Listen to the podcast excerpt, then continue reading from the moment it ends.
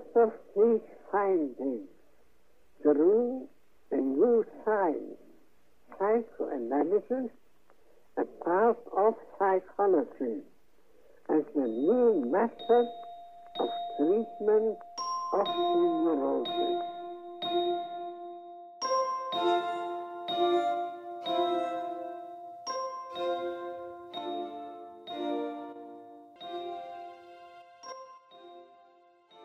Herkese merhaba. Bir haftalık aranın ardından psikanalize giriş konferansları çalışmamıza 12. konferans ile devam edeceğiz. Bu konferans nevrozlar derslerine geçmeden yani 3. bölüme geçmeden evvel son 4 konferanstan birisi. Dolayısıyla Freud'un bize kalan 4 konferans ile beraber 15 haftalık süre boyunca sunduğu şey nevrozların ve belirtileri. Etiyolojisine geçtiğimiz zaman Freud'un bize sayıp döktüğü belirtileri ya da yalnızca işaret ettiği ama artık mekanizmasını mekanizmasının belki de yapısını sökmeyi bize bıraktığı belirtileri e, tahlil edebilmemiz için gerçekten de yapılarını sökebilmemiz için, psikanalitik çerçevede işitebilmemiz için son dört konferans. Dolayısıyla e, düş işlemi haftasında özellikle Freud'un bize şeklini sunduğu, belki dil sürçmelerinden bahsederken bize ekonomisini sunduğu şeyin bu hafta örneklerini tartışmış olacağız. Ve Freud bu örneklerde bize tırnak içerisinde bizim bu örnekleri ele alırken bizi mitik denilebilecek kaynaklara da götürecek, diğer vakalara da götürebilecek, simge, simgeciliğe de götürecek vesaire. Ama nihayetinde psikanalizin derlediği, psikanalizin bir araya getirdiği kaynakların bir rüya tahlilinde nasıl işlendiğini birinci elden göreceğimiz örnekler olacak bunlar. Freud bize hemen uyaracak. Bu bu düşlerin çözümlemesinin tamamı değil. Çünkü düşlerin yorumuna ayırdığı hem yani teknik makalelerde yani düşlerin yorumundan sonra gelen makalelerde 1913'te gelen makalede, şu anda Gülçin'in çevirmeye devam ettiği 20'lerde gelen makalelerin birinde veya sonraları veya vaka öykülerinin analizinde Freud bize hep söyleyecek ki şimdi size öyküsünü sunduğum ya da şimdi size bir tahlilini sunduğum bu düş bir buçuk yıl boyunca konuşuldu belki. Belki şimdi size hani bir çeşit soy kütüğünü vermiş olduğum semptom kendisini bir buçuk yılda verdi ve her zaman olduğu gibi geriye dönüşlü olarak verdi. Dolayısıyla biz burada bütünlüklü bir düşün, belki bir parçasının, belki birden fazla parçasının tahlilini konuşacağız. Ama bu analiz de bu şekilde olmuyor, olmuyor olacak. Bu düş birden fazla kez gündeme gelecek. Her seferinde farklı şekillerde gündeme gelecek. Farklı şeylerin etrafında gündeme gelecek farklı yollarla anlatılacak, boşluklar olacak, o boşluklar kapanacak, yanlış hatırlanan şeyler olacak. Bu düşün yorumu belki e, bu düşün yorumu belki çok sonradan gelerek bu düşü birbirine bağlayacak. Belki son çok sonradan gelerek düş yeniden inşa edilecek. Belki bu yüzden Freud yoruma yeniden inşa diyecek ya da yeniden inşa demeliyiz diyecek vesaire vesaire. Yani dolayısıyla birazdan Freud bize düş örnekleri sunacak ama esasında bu düş örneklerinin tahlilini okuduğumuzda hep hep yavan kalacak, hep bir şey eksik kalacak, hep akılda şu soru belirecek ister istemez. Yani çünkü örneğin Freud'un çok açıkmış gibi gösterdiği bağlantı belki sizi tatmin etmeyecek. Örneğin bu noktada Kurt Adam vakasının girişinde Freud'un yaptığı açıklamaları hatırlayabilirsiniz. Diyecek ki Freud mesela kurt adam vakasına. Ben bu vakada yalnızca çocukluğun belirli bir dönemini kapsayan semptomun çözümlemesiyle ilgilendim. Başka hiçbir şeyle değil. Başka bir semptomla değil. Vakanın tüm hikayesiyle değil. Belirli bir rüyayla değil. Sadece bu çocukluk semptomuyla ilgilendim. Ve geriye dönerek ilgilendim. 10 yıllar sonra bu semptoma geri dön diyecek bu. Ve bu şekilde yapmanın avantajlarının ve dezavantajlarının olduğunu söyleyecek bize.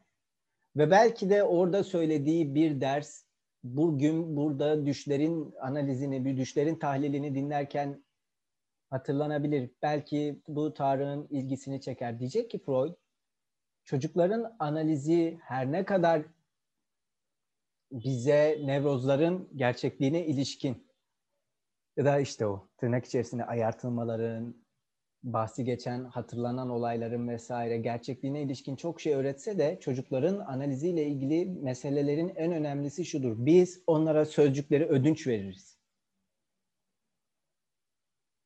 Yani çocuğun bu rüyayı ya da bu semptomu anlatabilmek için en başından sizden ödünç almaya ihtiyacı var.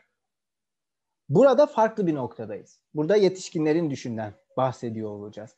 Dolayısıyla burada ödünç alınan sözcük sizden ödünç alınmamış olacak ya da daha doğru bir ifade ile analist işittiği sözcüğe sadakat göstermesinin ne kadar önemli olduğunu görecek. Çünkü bu düş tekrar ve tekrar geldiğinde mesele tamamen sadakate ilişkin olacak. Kim düşe daha sadık olacak? Mesele analistin düşün yapısını mükemmel bir şekilde bağladığı, düğümlediği ve aslında hani analizanın cebine koyup onu gönderdiği bir yorum meselesi olmayacak. Mesele bütün malzeme analizanın kendisinden geldiğinde yorumun da kendisinin ondan gelebilip gelemeyeceğinin tartışması üzerine olacak. Yani Freud'un ikincil kanıt dediği şey üzerine olacak. Ve bu çok önemli bir hadise. Psikanalizin tarihi içinde. Niçin bu kadar önemli? İkincil kanıt denen şey. Başka hangi bir hangi bilim ikincil olan şeye psikanaliz kadar kıymet verir? Doğrudan olmayan değil mi? Doğrudan evet ya da doğrudan hayır demeyen. Freud daha en başından itibaren eveti ve hayır reddedecek. Yani bir cevap olarak eveti ve hayır. İşe yaramaz diyecek çünkü. Bununla hiçbir yere varamazsınız. Dolayısıyla bu haftalar nevrozların etiyolojisine geçtiğimizde Freud'un anlayışının nasıl çalıştığını nasıl çalıştığına da çok iyi bir çok nasıl çalıştığı için de iyi bir egzersiz görevi görecekler. Sanırım ben kendi adıma 12. konferansa böyle bir giriş sunabilirim. Şimdi sizin geçtiğimiz haftalara ilişkin gündeme getirmek istediğiniz ya da ben bu haftaya geçmeden evvel bu haftaya dair söylemek istediğiniz bir şey varsa sizi dinlemekten mutluluk duyarım.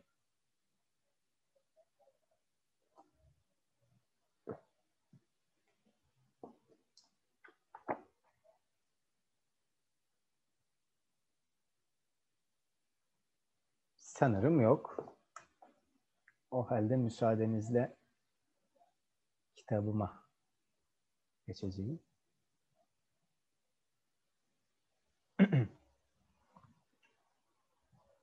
Bu arada yanlış hatırlıyorsam lütfen düzeltin. Bu bizim 18.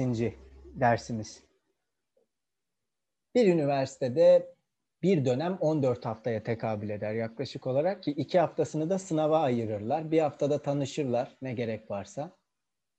Bir haftada özet yaparlar. Çünkü herkes geri zekalı o yüzden. Sonuç olarak 10 hafta falan ya ders işlenir ya işlenmez. Dolayısıyla bunun bizim 18. haftamız olduğunu düşünürseniz ilk sömestri bitirdiğimiz manasına gelir. Yani şöyle söyleyeyim. Bitirmişiz ama unutmuşuz. Çünkü çok olmuş bitireli. 12. ders. Bazı rüya analizi örnekleri. Bayanlar ve baylar. Hoş, büyük bir rüyanın yorumuna katılmaya davet etmek yerine yine rüya yorumu parçaları vermekle yetinirsem umarım bu sizi hayal kırıklığına uğratmaz. Onca hazırlıktan sonra buna hakkınız olduğunu ve binlerce rüyayı başarıyla yorumlamış birisi olarak rüya çalışması ve rüya düşüncelerine ilişkin bütün varsayımlarımızın gösterilebileceği mükemmel bir örnek rüyalar koleksiyonunu yanımda getirmiş olmam gerektiğini söyleyeceksiniz. Öyle de. Ama arzunuzun gerçekleşmesine giden yolda o kadar çok engebe var ki. Her şeyden önce hiç kimsenin rüya yorumunu birinci meslek olarak yürütmediğini kabul etmem gerek. Peki insanlar nasıl oluyor da rüya yorumluyor? Ara sıra belli bir amaç olmaksızın birisi bir tanıdığının rüyasıyla ilgilenebilir. Bir başkası psikanalitik çalışmada deneyim kazanmak için kendi rüyalarını inceleyebilir. Ama çoğunlukla uğraşılması gereken şey psikanalitik tedavideki nevrotik hastaların rüyalarıdır. Bunlar mükemmel bir malzemedir ve sağlıklı insanlarınkinden aşağı kalır bir yanı yoktur. Ama tedavi tekniği rüya yorumunun tedavi amacıyla kullanılmasını gerektirir. Bu nedenle tedavi için yararlı birkaç şey aldıktan sonra çok sayıda rüyayı bir kenara bırakmak zorunda kalırız. Tedavi sırasında görülen bazı rüyalar tam analizden tamamen kaçar. Bizce henüz bilinmeyen büyük bir ruhsal malzeme kütlesinden kaynaklandığı için bu rüyaları tedavi bitmeden önce anlamak mümkün değildir. Bu tür bir rüyayı anlatacak olsaydım bu bir nevrozun bütün sırlarını da keşfetmemi gerektirecek. Bunun da bize bir yararı olmayacaktı. Çünkü rüya sorununa yönelmemizin tek nedeni de zaten nevrozları araştırma yolunda bir hazırlık yapmaktı. Diyerek başlamış Freud. Ne düşünüyorsunuz bu giriş hakkında?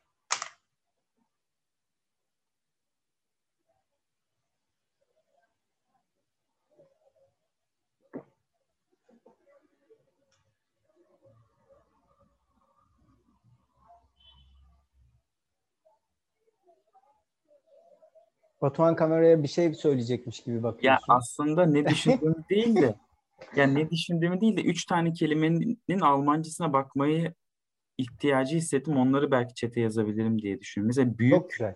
yani mesela büyük derken neden bahsettiğini tam anlamamıştım. Ama çok fiziki bir büyükten bahsediyor.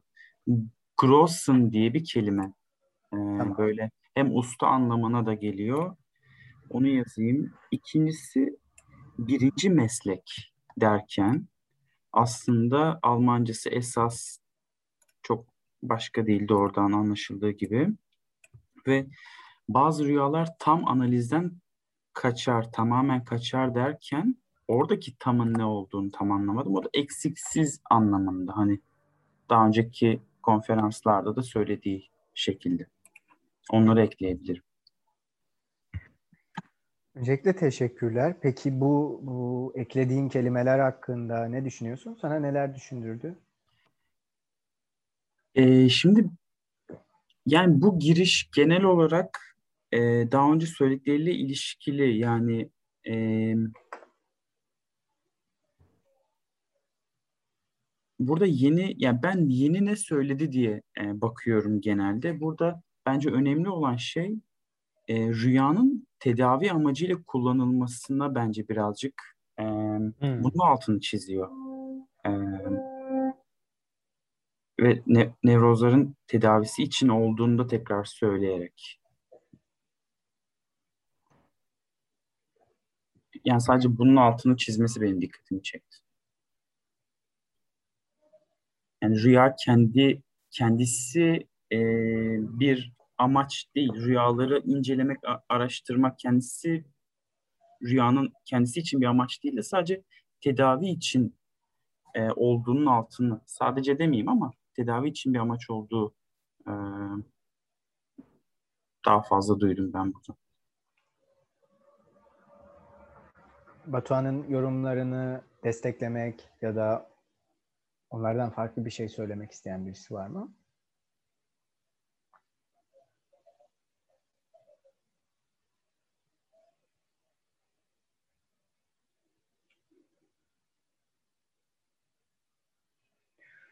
Örneğin Batuhan'ın vurgularından birisi düş yorumunun tedaviye hizmeti vurgusuna dairdi Freud'un. Bu önemli bir hadise. Yavaş yavaş Freud buraya gidecek. Şunu söyleyebilirim örneğin. Freud günlük yaşamın psikopatolojisi dışında hatalı eylemler dışında hiçbir makale yazmaz. Yani ufak tefek yazılarını belki bulabiliriz veya öncesinde mesela örneğin perde anılar günlük yaşam psikopatolojisinde de bahsedilen bir meseledir. Ya da sonra da sonraları gelen yanlış hatırlamıyorsam kısa bir yazısı var. Kendisine hediye edilen bir yüzükle alakalı Freud'un. Yüzüğü de sanırım Marie Bonaparte diye diyordu ama yanılıyor olabilirim. Kötü bir anekdot vermek istemem. Ya da esprilerle ilgili olarak Freud'un büyük eseri dışında esprilere ayırdığı bir humor makalesi var 20'lerin ortalarında gelen. Bunun dışında bir makale ben hatırlamıyorum. Fakat düşlerin yorumu bu şekilde değil. Metapsikolojik makalelerinden düşlerle ilgili olan bir taneyi bulmak mümkün. Giriş konferanslarında diğerlerine nazaran düşlere çok daha fazla ilgi gösteriyor. 20'lerde düşler hakkında birden fazla makale yazıyor. Düşler ve telepati gibi Gürçin'in çevirdiği düş yorumuna ek, ek gibi yeni giriş konferanslarında düşlere ayırdığı konferanslar var. Yani dolayısıyla Freud hem esprilere hem hatalı eylemlere hem de düşlere aslında nevrozları nevrozların açıklanması maksadıyla oldukça büyük bir önem atfediyor ya da doğa doğru bir ifadeyle Mehmet Hoca'nın ifadesini kullanacak olursak bunlara cerrahi operasyonlar gerçekleştirerek nevrozun mekanizmasını anlamaya çalışıyor. Ama defalarca kez geri döndüğü tek şey düş. Diğerlerine bu şekilde bir muamelede bulunmuyor. Bizim de buna önem göstermemiz gerekiyor. Zannediyorum ki. Dolayısıyla yavaş yavaş da nevrozlara geçiyor olduğumuzu düşünürsek Batuhan'ın vurgusu önemli. Belki bu doğrultuda başka bir şey söylemek istersiniz.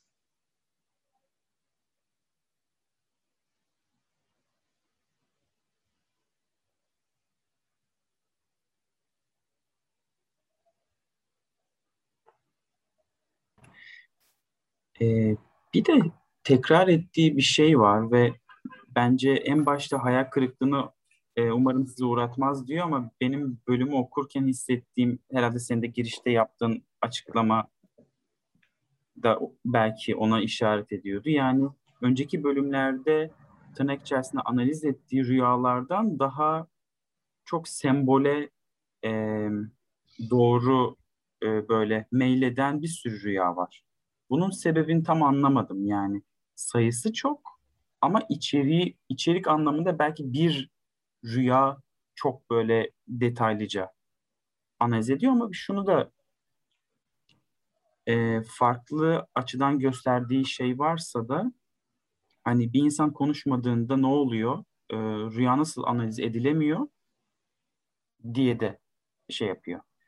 E, ama en azından ilk paragraftaki o umarım size hayal kırıklığına uğratmaz e, sözünün de bölüm boyunca e, ben hissedildiğini düşünüyorum.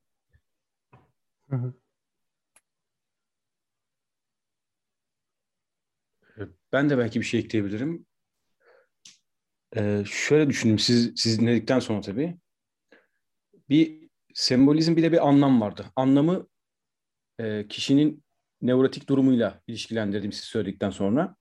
Rüyanın yorumlanması durumunda e, elde edilen şey aslında o e, nevrotik kişinin görmüş olduğu rüyanın anlamını sadece sembolizm üzerinden çözmektense anlamından yürüyerek ilerliyor. Zaten diğer konuda da şey demişti 179'da ona baktım biraz kafam bana takıldı açıkçası. Bir bakayım onu. Şöyle bir şeyden bahsediyordu. Dikkatimi çekti. Yani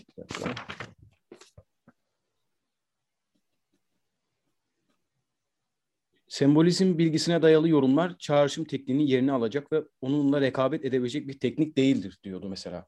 Bu dikkatimi çekti benim. Ee, biz aslında burada çağrışım tekniğini kullanarak rüya rüyayı görenin o nevrotik durumunun yaratmış olduğu o rüyanın içinde ilerleyerek en son anlamı bularak sonrasında da elde edilen bilgiyle sembollerin deşifre edilmesi veya bazen sembollerin zaten belirli anlamlarının olduğunu görmüştük sanki. Söylemişti bize diş mesela bu konuda. Ama bazen sadece sembollerden ilerlediğimizde elde ettiğimiz şeye ulaşamıyoruz. Ama çağrışım tekniğine ilerlediğimizde sembolleri de buluyoruz gibi düşündüm. Ya da nereye isabet ettiğini buluyoruz gibi. Bir çağrışım yani elimde.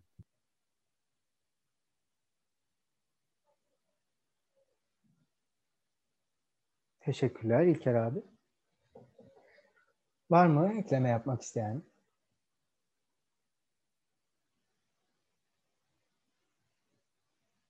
Mesela ben şunu söyleyebilirim. Batuhan'ın altını çizdiği iş kelimesi vardı ya beşaftikum.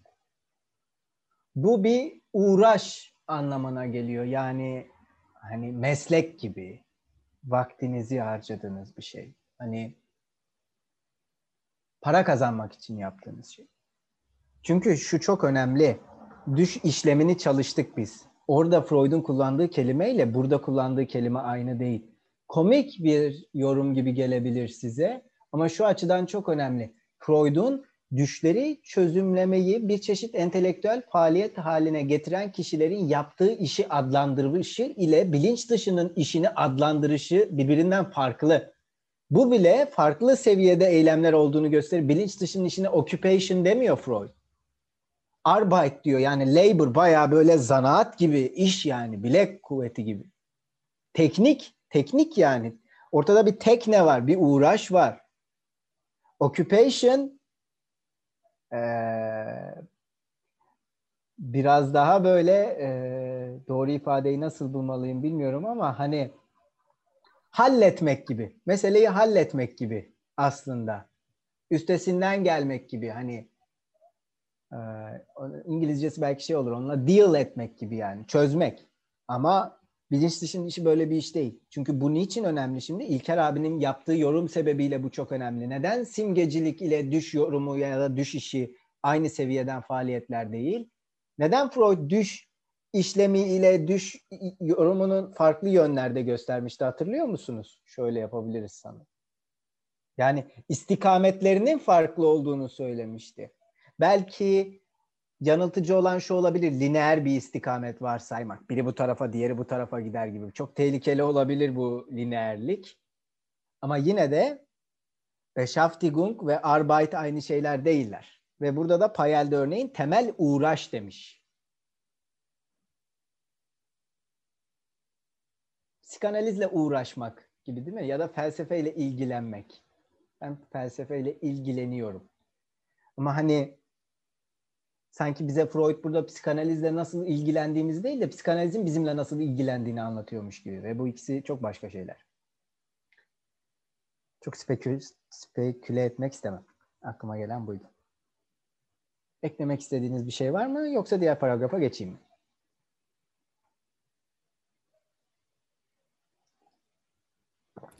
Yani iş konusunda yaptığın ayrım gerçekten çok iyiydi. Ben İngilizcesini şimdi çevirdim. Occupation olduğunu yeni öğrendim de.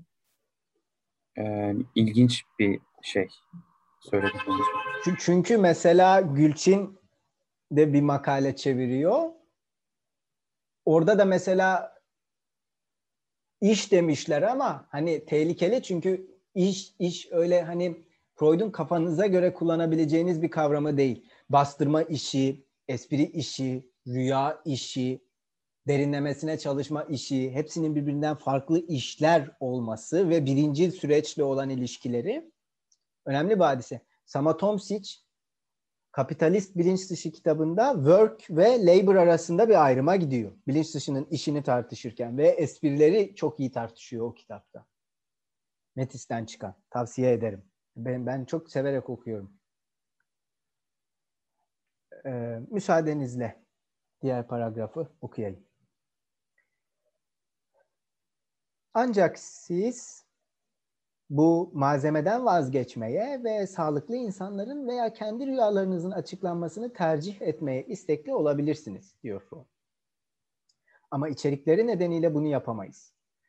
Kişinin kendini veya ona güvenen bir başkasını kişiliğinin en özel yanlarıyla ilgili olduğunu bildiğiniz rüyalarının ayrıntılı bir analizinin gerektirdiği acımasız ifşaya tabi tutması mümkün değil.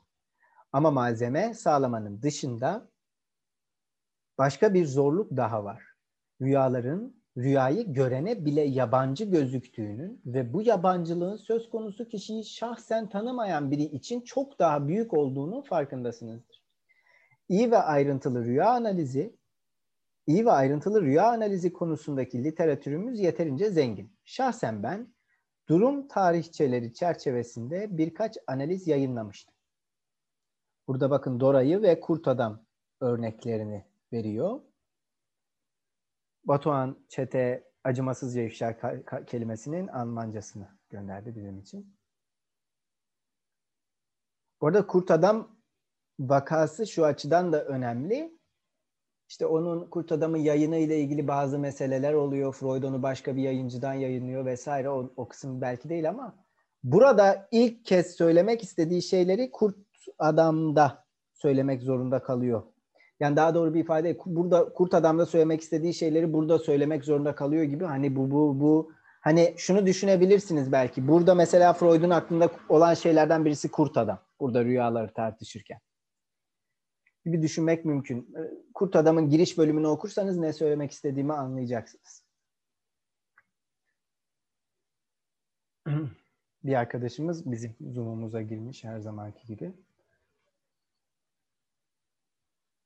Şahsen ben durum tarihçeleri çerçevesinde birkaç analiz yayınlamıştım. Bunun belki de en güzel yorum örneği Otorank tarafından yayımlanan ve bir genç kızın gördüğü birbirine bağlı iki rüyadan oluşan iki sayfa tutarındaki bir rüyadır. Ama bu rüyanın yorumu 76 sayfa tutuyor.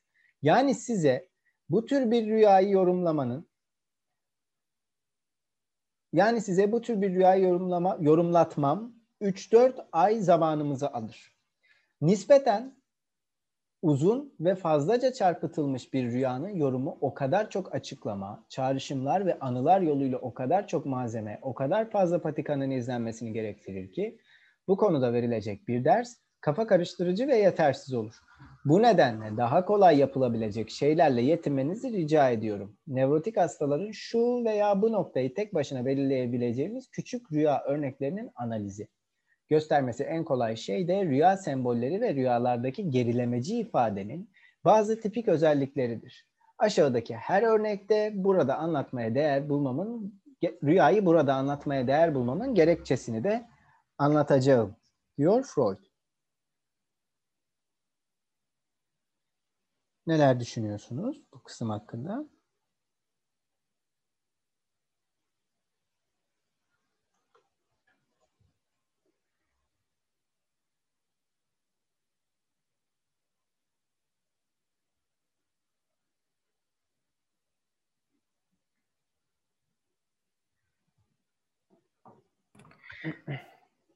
E, şunu ekleyebilirim yani doğrudan bu rüya ile ilişkili olmayacaktır ama belki sonrası için olabilir. E, Freud ilk defa geçtiğimiz bölümde tırnak içerisinde çoklu rüya, bir gece içerisinde görülen birden fazla rüyadan bahsetmişti. Giriş rüyası ve e, onunla ilişkili olan rüya. İki sayfa 221'den okuyacağım. E, aynı gece boyunca birden çok rüya görüldüğü zaman bunlar çok kez aynı anlama gelir ve artan güçte bir uyarımla daha etkili başa çıkma yönünde bir çaba olduğunu gösterir. Bireysel rüyalarda özellikle zor bir öğe birden çok sembolle, çift anlamlı ifadelerle temsil edilir. Ee, ben buna ilk defa örnek verdiğini gördüğüm için e, altını çizmek istedim. Çünkü da, daha önceki hiçbir rüya örneklerinde aynı gece ya da ben hatırlamıyorumdur belki ama aynı gecede rüya görülen iki tane rüyadan bahsetmiyor. Ya, yanılmıyorsam. Onun altını çizeyim.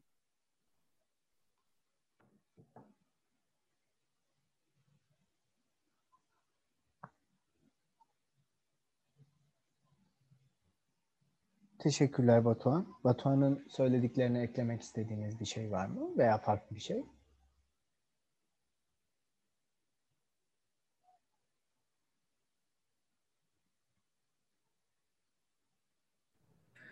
Selam ben yeni katıldığım için tam olarak nerede kaldığımızı soracağım. Umut 12. derste birinci maddedeyiz. İlk rüya örneği. Şimdi birazdan onu okuyacağım. Birinci paragraftayız yani. Hayır hayır. Birinci rüya örneğindeyiz. Göreceksin. Bir diye belirtiyor Freud. Ee, ondan önceki kısım daha önce yapıldı mı? Bu akşam senden önce yapıldı. Tamam. Ee, tamam.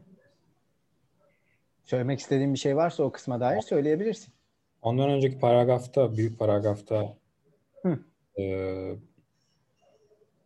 rüyalarda semboller meselesine tabii ki de değinmiştiniz ama Hı hı. şu dikkatimi çekmişti. Sizin nasıl dikkatinizi çekti?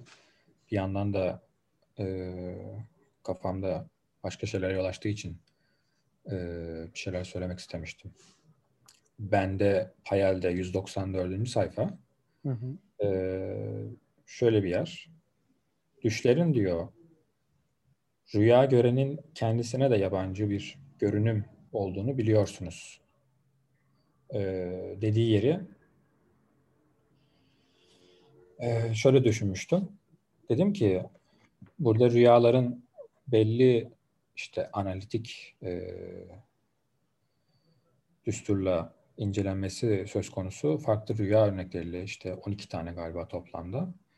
E, bu rüya örneklerinin en başında herhalde vurgulanacak aynı zamanda belli bir mesafeyi, belli bir yabancılığı, belli bir boşluğu barındırması bakımından neden rüya görenin e, rüyasıyla kendisi arasında bir yabancı ki ben buradaki yabancı kelimesinin altını çizmiştim. Bilmiyorum ötekide ya da diğer çevirilerde e, nasıl bir kelimeyle söyleniyor ama hani bir deri de olsa bunun ilgisini çeker diye düşünüyorum buradaki yabancının. Buradaki yabancının tamam diğer ötekide de yabancı sanırım. Bu yabancı e, bana belli bir anlamda e, bir açıklığı, belli bir e, mesafeyi, bu mesafe uyarınca da aslında e, hem varlığın kendisinin de belli bir anlamda boşluk ilişkisi kullandığı alanlardaki e, hem birbirlerinden farklı oluşları hem de birbirleri arasında bir mesafe oluşturmaları zorunluluğunu getiriyor akla. Yani diyelim ki e, bir rüya görenle neden onun rüyası arasında bir boşluk gibi bir fenomen peyda oluyor. Ve bu peyda olmalar üzerinde sayısız rüya örneği mesela Freud burada ele alıyor ya. Hatta ona mektupla bile rüyasını gönderenler muhtemelen vardır. Ee, ki onlardan bahsediyor. Bu sayısız rüya örneğini inceleyen aynı zamanda Jung da var mesela. O da diyor. Ben binlerce e, rüya örneği inceledim diyor. Onun Rüyalar diye bir tane kitabı da var. Hem başka değerlemelerinde de söylüyordu ama işte rüya yorumlamak başka şekilde incelenen bir şey. Bir anlamda da e, bir imkansızlığın da yine de imkansız olmadığını belirten bir havası var Freud'un. O da 195. sayfada e, onu sizlere düş gören bize düş hakkında bilgi vermezse onu yorumlamanın nasıl da olanaksız olduğunu göstermek için getiriyorum dediği yerde sanırım bir anlamda bunun imkanından bahsediyor. Ki Traumdeutung e, belli bir anlamda anlamla kurulan bir ilişki değil, yorumla kurulan bir ilişki ve bu yorumla kurulan ilişki e, belli anlamlarda sembolik bir ilişkiyi de barındırabiliyor ve bu e, birinci rüya örneği üzerine oraya bağlarsam, e, değil mi? Şimdi bağlarsam e, o önceki yerle ilgili uzun tuttuğum şeyi tamamlamış olacağım Şahin. Hı hı. Tamam. Bu birinci rüya örneği için aklıma bu Yahudi e, sanırım fıkrası yani Yahudi örneği geliyor. E, cumartesi olduğu için sigara içen bir e, Yahudinin yapmaması gereken eylem e, ki cumartesi belli anlamlarda yasakların barındırabileceği bir şey olsa da yine de onun için son derece e, yasak bir eylem olan bir e, durumla karşı karşıya olduğumuzu özellikle söylüyor ki parantez içerisinde nedense bir Yahudi ve bu Yahudi vurgulanarak devam eden bir havası var değil mi? Bu daha önce görmüş müydüm hatırlamıyorum da bu parantez içerisindeki bir Yahudi e, sıfatı üstelik de bu rüyayı e, görenin kendisi değil mi? Yahudi. Bu anlamda düşünsenize e, dindar olmayan birisinin aynı zamanda bu hani teolojik meselelerde kendisinin e, taşıdığı ya da taşımayı isteyip istemediği sorulmadan dahi rüyasında e, dinle kurduğu ilişkiyi düşünürsek e, kişinin parantezin içerisinde belirtebileceği bir Yahudiliği üstlenip üstlenmediği bir soru değil mi?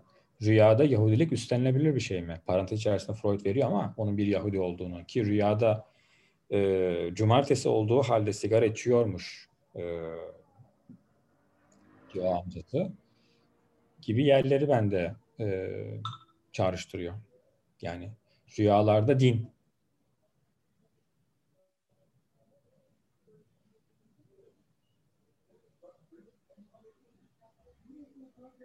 Teşekkürler Umut. Öncelikle şundan emin olamıyorum. Bu köşeli parantez Freud'a ait olmayabilir. Çok yüksek bir ihtimalle. Şimdi birazdan kontrol edip size döneceğim. Ama bu bu da bize farklı şeyler konuşturabilir.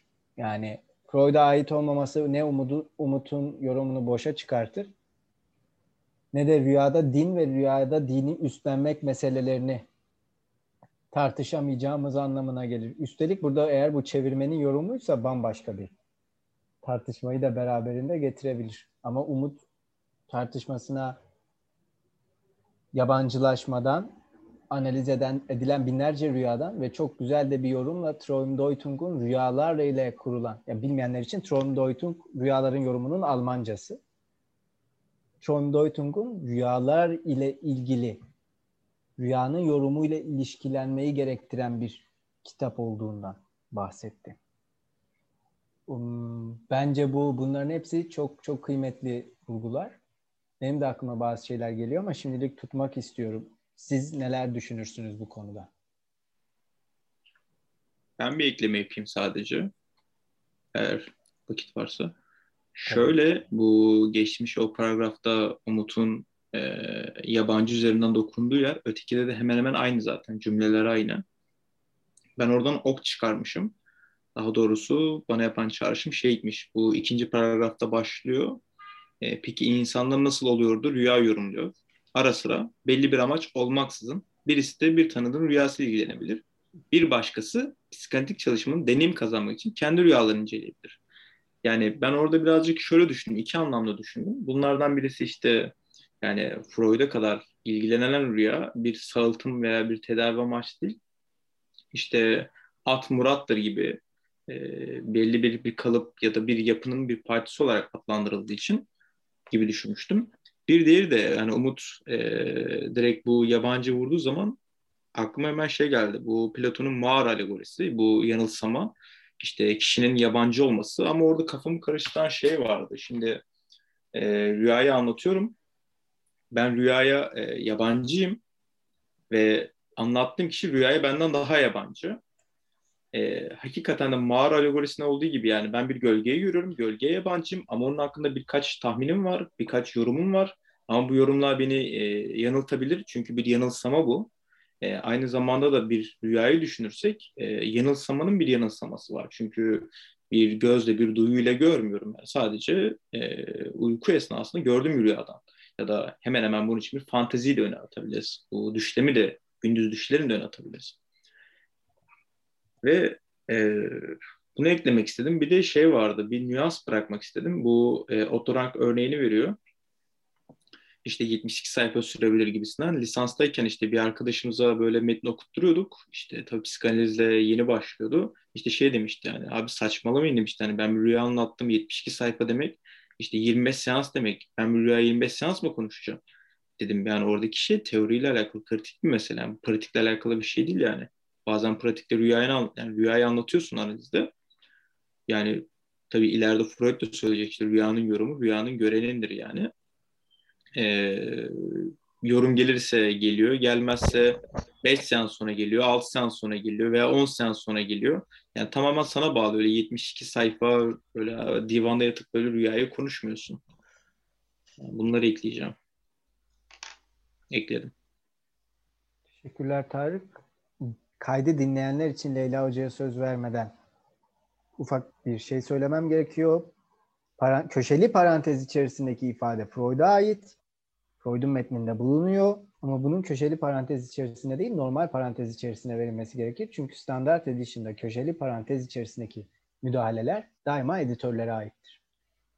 Karışıklığın sebebi buydu. Leyla Hocam buyurun. Ee, senin söylediğin bir cümle daha dikkatimi çekti. Rüyalar ve din olgusu.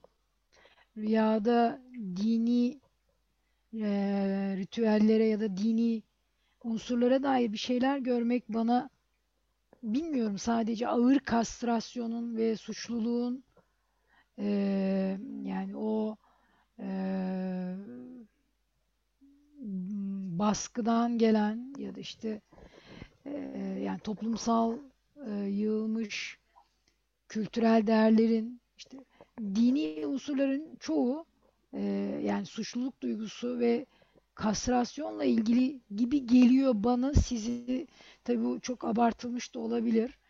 E, yani rüyada dini değerler nasıl ele alınabilir bilemiyorum bu açıdan. Yani sadece benim de ilgimi çekti. Bir e, açılım, o ekleme olsun diye söz almak istedim bu anlamda. Yani bu konuda ne düşünüyorsunuz özellikle Şahin ya da Umut? Din ögesi ve rüya ve kastrasyon. Öncelikle yorum Umut'a aitti. Ben sadece yeniden seslendirdim. Şimdi Batuhan elini kaldırdı ama Batuhan'dan evvel İlker abi bir anlığına sesini açtı. Gördüm. Dolayısıyla İlker abi önce seni dinliyoruz. İlker'den sonra İlker'e sataşacağım ben. Tamam. Hayır. Önce Batuhan Saç konuşacak. Sonra sataşabilirsin ikisine de. O zaman Umut bana sataşmadan ben Umut'a sataşayım hemen. Olur. Harika. Mesela bu düşünceye şöyle bakabilirim Umut'un söylediğine. Açık rüya düşünceleri ve gizli rüya düşünceleri diye ayırmıştık geçen, geçen konuda. Hı hı. Bizim için gizli rüya düşünceleri bir yandan sembolü, sembolizmi kullanıyordu. Diğer yandan alttan alta işleyen bir anlam vardı. Biz bu anlamı neyle kurduğumuza baktığım zaman toplumsal hayata bakarım, dine bakarım, kültüre bakarım veya bastırmaya neden olan herhangi bir mekanizmaya bakarım. Benim rüyayı çözümlemem durumum kişinin kendi nevrozu üzerinden düşünerek olur ve ortak sembolizmleri dikkate alarak Freud'un yaptığı gibi. Bu ortak ne mesela? Din diyelim. Din ortaksa dine dair ortak semboliz, sembolik durumlar, şeyler, e, imgeler kullanılabiliyor mesela. Yani aslında toplumsal hayatın oluşturmuş olduğu o mekanizmanın ne olduğunun önemi yok gibi düşünüyorum. Orada din değil de başka bir şey olsa ve bu yine e, rüyada sembolik olarak kullanılırsa aslında rüyanın vermek istediği mesajda sadece bir nesne durumuna indirgeniyor ya da bir imge durumuna indirgeniyor. Anlam oluşturan imgelerin dizilimine indirgeniyor. En saf haliyle. O zaman biz bu imgelerin diziliminden anlama ilerlediğimizde elde ettiğimiz şeyin kendisi aslında o kişinin ve o rüyanın anlamını kurarken kendi e, nevrotik durumunu gösteren işaretlere ulaşmış oluyoruz gibi anladım. Çünkü e, sadece ya şöyle olabilir. Sadece din bağlamından bakılamaz demiyorum ama diğer yandan daha çerçeve e, bu konuyu daha çerçeve içine almak istersek eğer herhangi bir sembolü gösterenin veya herhangi bir e, gizli rüya düşüncesini ifade eden açık rüya düşüncesinin temelinin din göstereni veya herhangi bir gösteren üzerinden değil de tüm gösterenlerin bambaşka şekillerde kullanabileceğini düşünüyorum aslında. Bir bağlama indirmeden yapmaya çalışıyorum. Anlatabildim mi bilmiyorum ama. Batuhan. Teşekkürler İlker abi. Direkt Batuhan'a geçtim çünkü hani belli ki diyalog kurulacak o yüzden. Ya Evet Batu. ben aslında hani din göstereni diye bir şey olduğunu falan hiç sanmıyorum. Yani öyle bir şeyden hiç bahsetmiyor. Rüyada din nasıl düşünülüyor falan diye bir problem de yok metinde. Hı hı. Yani bu rüyada da görüldüğü şekliyle bir e, hatta üçüncü rüyada da sanıyorum diş mevzusunda da sadece Yahudiliğe dair bir doktrinden bir genel o kültüre dair genel bazı yargıdan bahsediyor.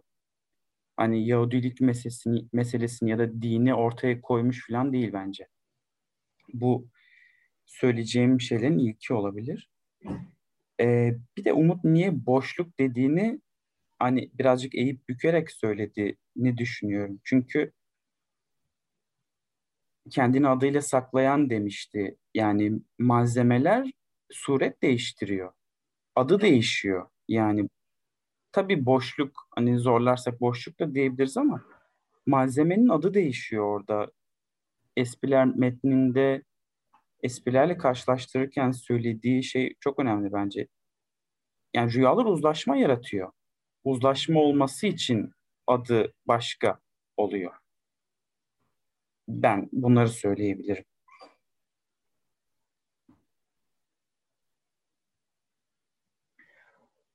Öncelikle şöyle yapalım. Bizim için çok açık. Çünkü biz metne bakıyoruz ve tartışıyoruz ama dinleyenler için o kadar açık olmayabilir. Umut'a söz vermeden ve bu tartışmayı devam ettirmeden evvel müsaadenizle bu rüyanın ve Freud'un yorumunun ne olduğunu bir okuyayım. Hem bir hatırlamış olalım sonra tartışmaya devam edelim. Şu şekilde. Bu rüya diyor Freud sadece iki kısa görüntüden oluşmaktadır. Cumartesi olmasına rağmen amcası sigara içer. Bir kadın onu yani rüyayı göreni bir çocuk gibi okşar. İki görüntü bunlar. Rüya sahibi parantez içerisinde yazıyor Freud Yahudiydi. İlk görüntüyle ilgili olarak amcasının dindar olduğunu ve günah sayılan bu tür bir şeyi asla yapmadığını ve yapamayacağını söyledi. İkinci görüntüdeki kadınla ilişkili olarak aklına sadece annesi geliyordu. Bu iki görüntünü veya düşüncenin birbiriyle nasıl birbiriyle ilişkili olarak yaşanmış olması gerekiyordu. Ama nasıl? Amcasının hareketinin gerçekliğini açıkça reddettiği için araya bir eğer sokma, inan eğer sokmak inandırıcı gözüküyordu. Şimdi her birinizin yorumlarını dinledim. Ama bu şunu da atlamamak gerekiyor. Geçtiğimiz haftalarda da bu konuda birbirimizi uyarmıştık. Freud bu iki görüntüyü bir şeye işaret etmek için kullanıyor ve o Yahudilikten evvel görüntülerin birbirine nasıl bağlandığı. Yani bağlaç meselesi. Dolayısıyla bu şu şekilde Yahudilik burada önemsiz değil. Çünkü burada Yahudilik arada kayıp olan, boşluğu yaratan bağlacı belirleyen şey olacak. Yani bu bağlaç bir eğer ise sebebi bir Yahudi ve bir cumartesi günü. Ama ne olursa olsun burada mesele bağlaç. Bunun hatırlatılması gerektiğine inanıyorum. Şimdi Freud analizanın ağzından rüyayı tekrar naklediyor. Eğer amcam gibi dindar birisi cumartesi günü sigara içerse ben de annemin beni okşamasına izin verebilirim. Bunun da annesiyle kucaklaşmasını, dindar bir Yahudinin cumartesileri sigara içmesi gibi kabul edilemez bir şey olduğu anlamına geldiği açıktır. Burada bir yorum yapmak istiyorum ben de müsaadenizle. Lütfen sıçan adam vakasını hatırlayın.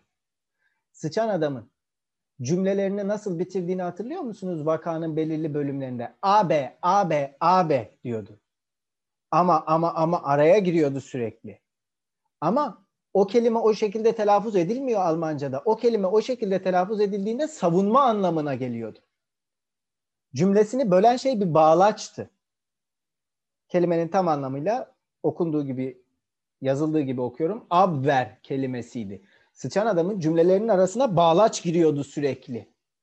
Kompulsif olan şey bağlacın ta kendisi olmuştu. Tamam mı? Bambaşka bir mekanizmadan bahsediyoruz. Burada rüyanın formasyonu var. Orada semptomun formasyonu var. Çok önemli iki mesele. Gruba attığım aktarım nevrozuna ilişkin teknik makaleyi hatırlarsınız. Ama burada bağlacın önemini hatırlayın. Yani şunu işaret etmek için söylüyorum size. Burada gündeme gelen bağlaç eğer ise sıçan adamda gündeme gelen bir bağlaç ama ise bu doğrudan nevrotik yapının kendisiyle ilişkilidir. Boşuna demiyor Freud sıçan adam vakasının başlangıcında obsesyon hislerinin bir lehçesidir diye. Devam edeyim. Rüya çalışmasının akışı içinde rüya düşünceleri arasındaki bütün ilişkilerin atıldığını söylemiştim. Bu ilişkiler arasındaki bu ilişkiler ham maddesine indirgenir. Ham maddelerine indirgenir olur değil mi doğrusu?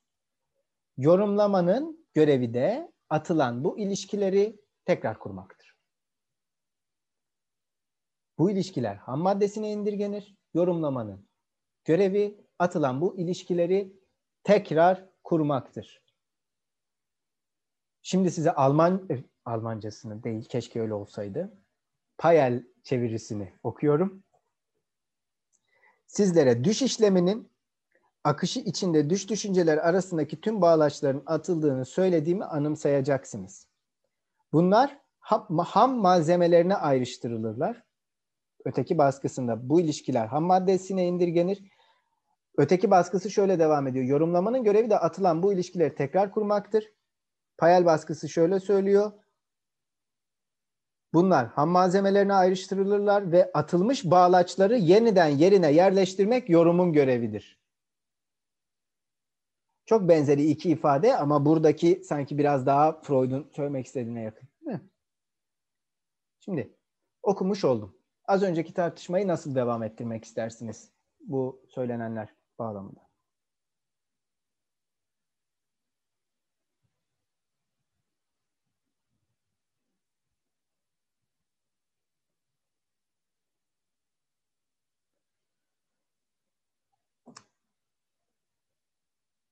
Ben Batuhan'a bir şey sorabilir miyim?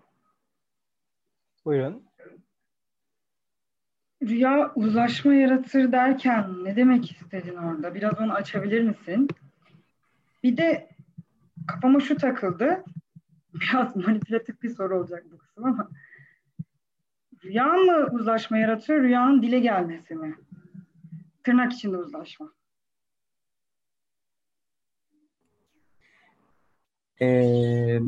Uzlaşma derken şundan bahsediyor.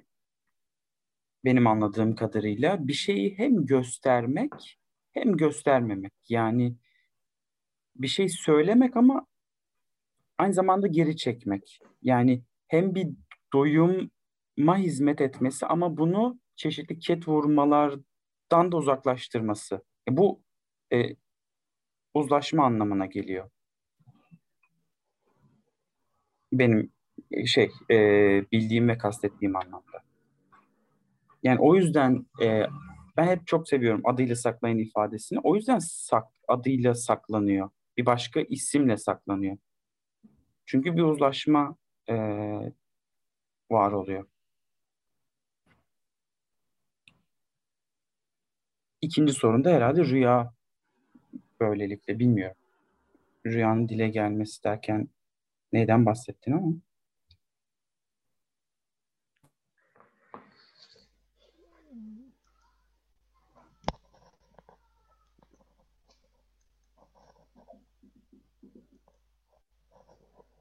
Leyla hocam, buyurun lütfen.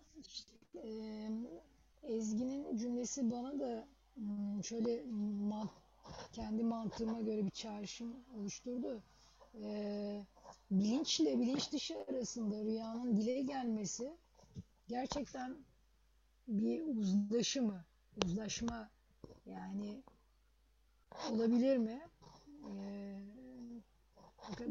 ben böyle bir çağrışımla e, farklı bir düşünce e, oluştu zihnimde. Bana da biraz bu açıdan mantıklı geldi. Farklı bakıyor olabilirim tamamen Batuhan'ın sözlerinin dışında bir yorum oldu ama evet bilinçle bilinç dışı arasında rüyanın dile gelişi yerde hmm. yani bir sızıntı e, bir yerde uzlaşı gibi bana da çok yani biraz bu anlamda geçerli gibi geldi.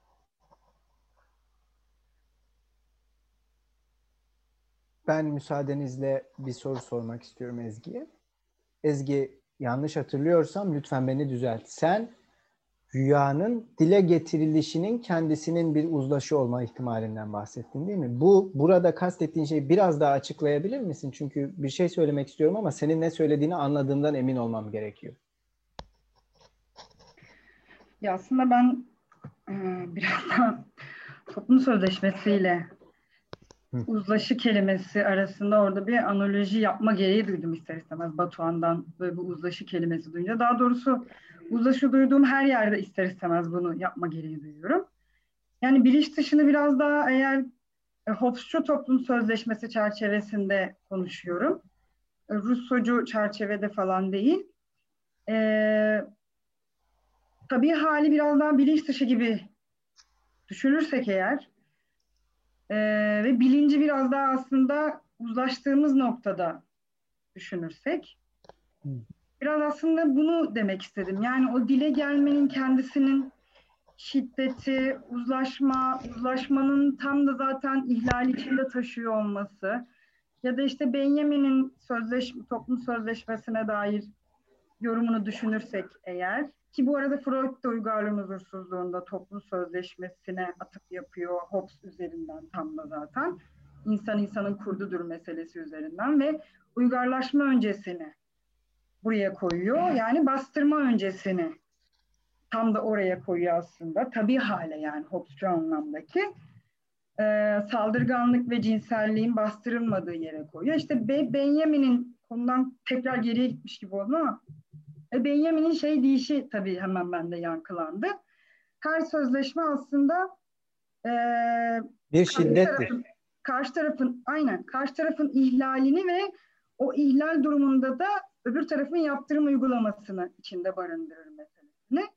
E tabii işte opsiyon anlamda o Leviathan'ın, o devletin e, şiddet uygulama yetkisini nasıl o uzlaşmadan aldığı gibi böyle büyük büyük belki de biraz uzaklaşan, konuyu çarpıtan yerlere gitti benim kafam. E, o yüzden sormak istedim ama zaten bunu geçen atölyelerde de konuşmuştuk sanırım. Şu şey meselesi üzerinden. Hangi düşünür üzerinden örnek vermiştim hatırlamıyorum. O an çünkü sayfaya bakıp direkt söylemiştim kitapta. Hani köpek köpek dediğinizde köpeği öldürürsünüz meselesi zaten. Uzlaşma dediğimiz şey söz dediğimiz şeyin kendisinin bir şiddet oluşu gibi gibi şeylerden ve rüyanın aslında e, bilinç dışı yere dair de bize bir şeyler yakalar gibi olması ama yakalatamaması da falan onun bir yandan. Çünkü onun da bir dile gelmek zorunda olması gibi analizde. Bunlar yani bilmiyorum karmaşık mı oldu ama böyle bir sürü şey geldi ardarda. arda. Küçük bir şey sorabilir miyim? Şahin. Yani bir şeyi merak ediyorum Ezgi. Hani dile gelmediğinde o uzlaşma yaratmıyor da diyor musun aynı zamanda? Hani ben onu anlamak istiyorum. Dile geldiğinde uzlaşma yaratıyor. Bu bir koşul mu? Çünkü yani ya onu merak ettim. Dile gelmediğinde uzlaşma yaratmıyor mu rüyalar? Bence dile gelmediğinde o bir sözleşmeye dönüşmemiş olur ve her zaman gri yani nasıl diyeyim her zaman gri, muğlak, müphem kalır gibi ve bilinç dışı şeyden bahsetmiş oluruz ya da ne bileyim nasıl desem nasıl anlatsam bilmiyorum. Dile getiremiyorum şu an. Ee, yani biraz böyle düşünüyorum. Uzlaşma olması için dile gelmesi gerekiyor gibi. Ya da yazılı bir metin haline gelmesi gerekiyor gibi bir e, düşüncem var şu an. Hani evet biraz öyle düşünüyorum. Aynen.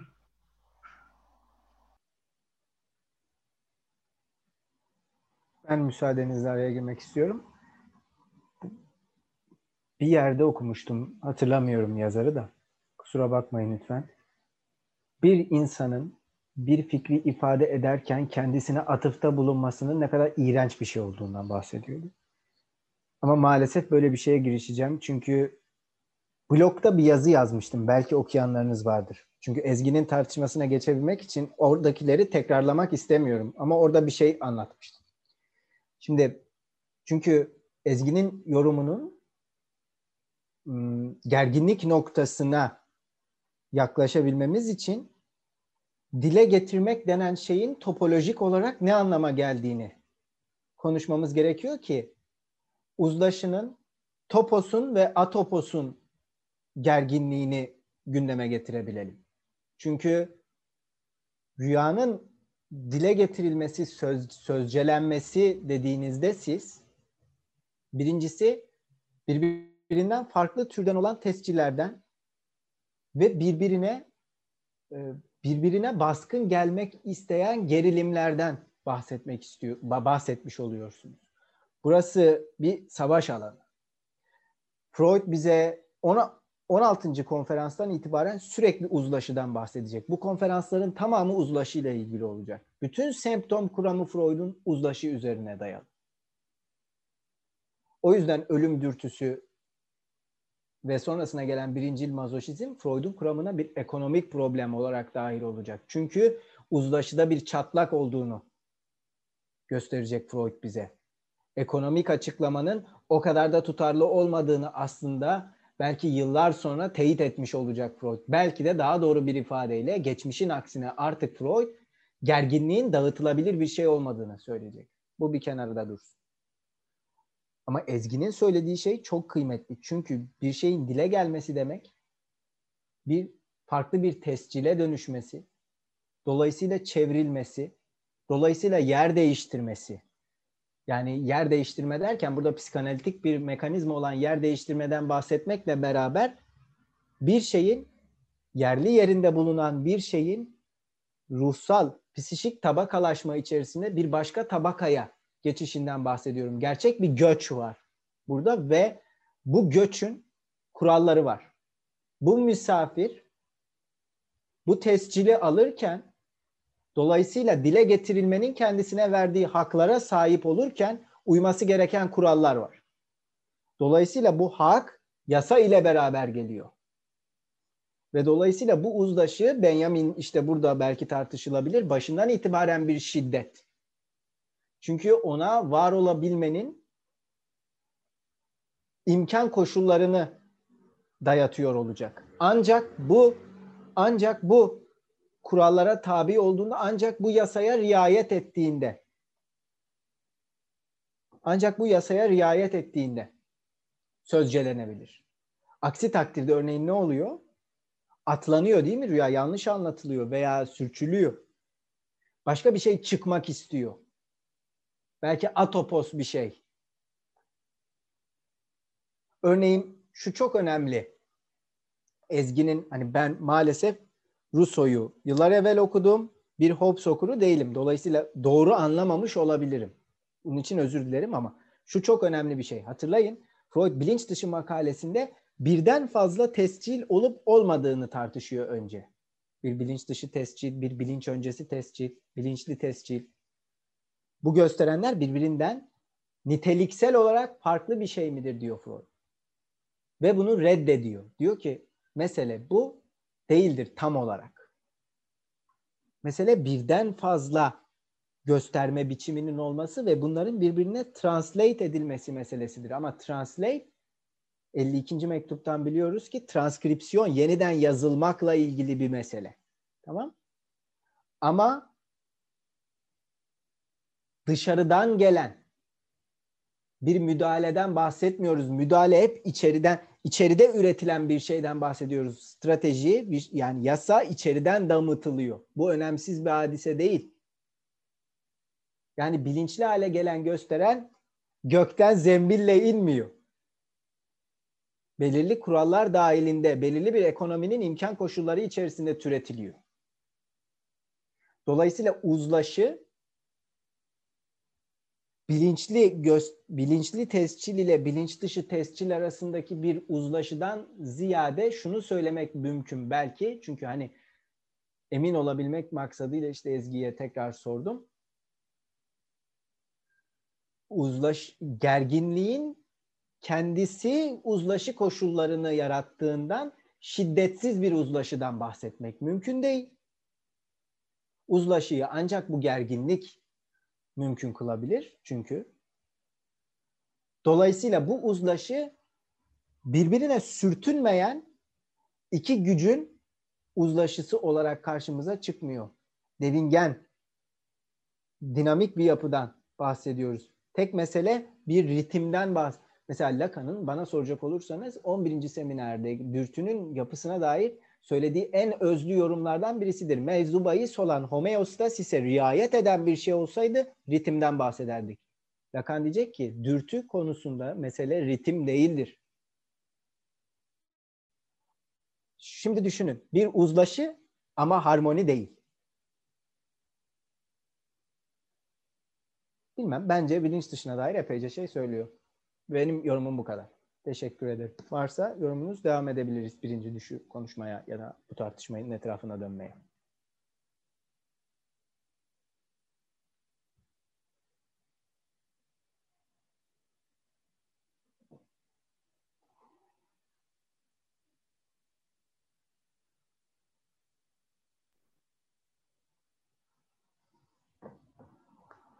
Ben tekrar söz almış oldum ama kusura bakmayın.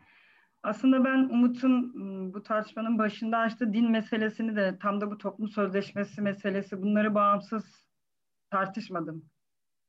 Hani e, çünkü her ne kadar devlet kuramları çerçevesinde hep şu anlatılsa da e, Hobbes'un Leviatan'ı dünyevi Leviatan'dır. Artık işte ilahi olan gitmiştir. Tanrı yasası orta çağdaki skolastik düşünce geride kalmıştır. Artık modern bir e, devletten ve iktidardan bahsediyoruz ve bu bahisle sözleşmeden dense de bu böyle olmamıştır. Bence bu bu kısmı siz daha iyi bilirsiniz ama bence bu bireysel anlamda bilinç bilinç dışı tartışması bağlamında da yine dinle ilişkili ilahi bir atıf olduğunu düşünerek söylediğim bir şeydi. Yani buradaki uzlaşma, şiddet, bunun şiddet bir şey olması, bir tarafa cezalandırma hakkı vermesi, diğer tarafa diğer tarafın aykırılık meselesi bunların hepsini aslında din ve dinin yasası, dinin buyrukları, on emirden başlayarak ve onun modernizmle beraber, modern devletle beraber tam da zaten e, modern yasalara, seküler yasalara dahil olması bunların hepsi nasıl birbiriyle bağlantılı ifade etmeye çalıştım. Sadece bunu ekleyeyim. Kusura bakmayın tekrar tekrar söz aldım.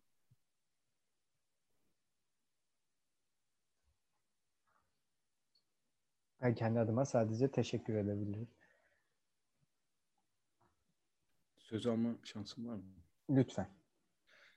Ee, bu ilişkilendirme meselesini düşündüm şimdi sen söyleyince Şahin aslında burada günah üzerinden düşünüyorum. Günah yasak diye düşünmek biraz belki şey olur, radikal olur ama burada yapmaya çalıştığı şey sanki iki günaha çarpıştırıp ardından kendi özgürlüğüne, kendi arzusuna kavuşma telaşı var gibi anlıyorum bu yorumu. Rüyayı daha doğrusu. Yani amcası bunu yapıyorsa kendisi de annesine sarılabilir. Yani aslında burada yasağı ortadan kaldırmaya çalışıyor. Rüyanın niyeti bu aslında. Ben bunu anlıyorum buradan. Rüya ahlakı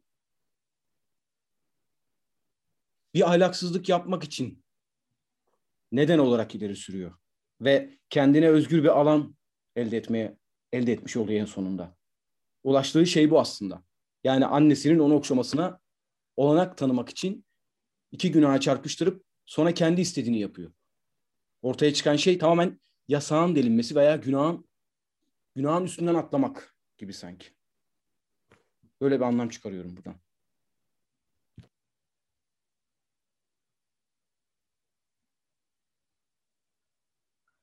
Teşekkürler İlker abi.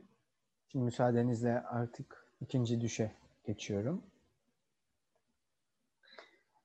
İki diyor Freud. Rüyalar konusunda yayınladığım çalışmaların sonucunda da sonucunda rüyalarla ilgili konularda bir anlamda bir kamu danışmanı olup çıkmıştım. Yıllarca çok farklı kaynaklardan rüyalarını anlatan veya görüş isteyen mektuplar aldım. Yorumu mümkün kılacak şekilde rüyasına yeterli malzemeyi ekleyenlere veya kendi rüyalarını yorumlayanlara elbette teşekkür borçluyum. Münih'te bir öğrencinin gördüğü 1910 tarihli aşağıdaki rüya bu gruba giriyor.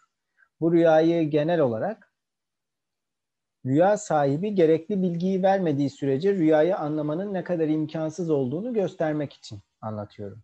Çünkü temelde ideal rüya yorumunun sembollerin yerine anlamlarını koymak olduğunu düşündüğümüz çağrışım tekniğini kullanmak istemediğiniz gibi bir kuşku taşıyorum.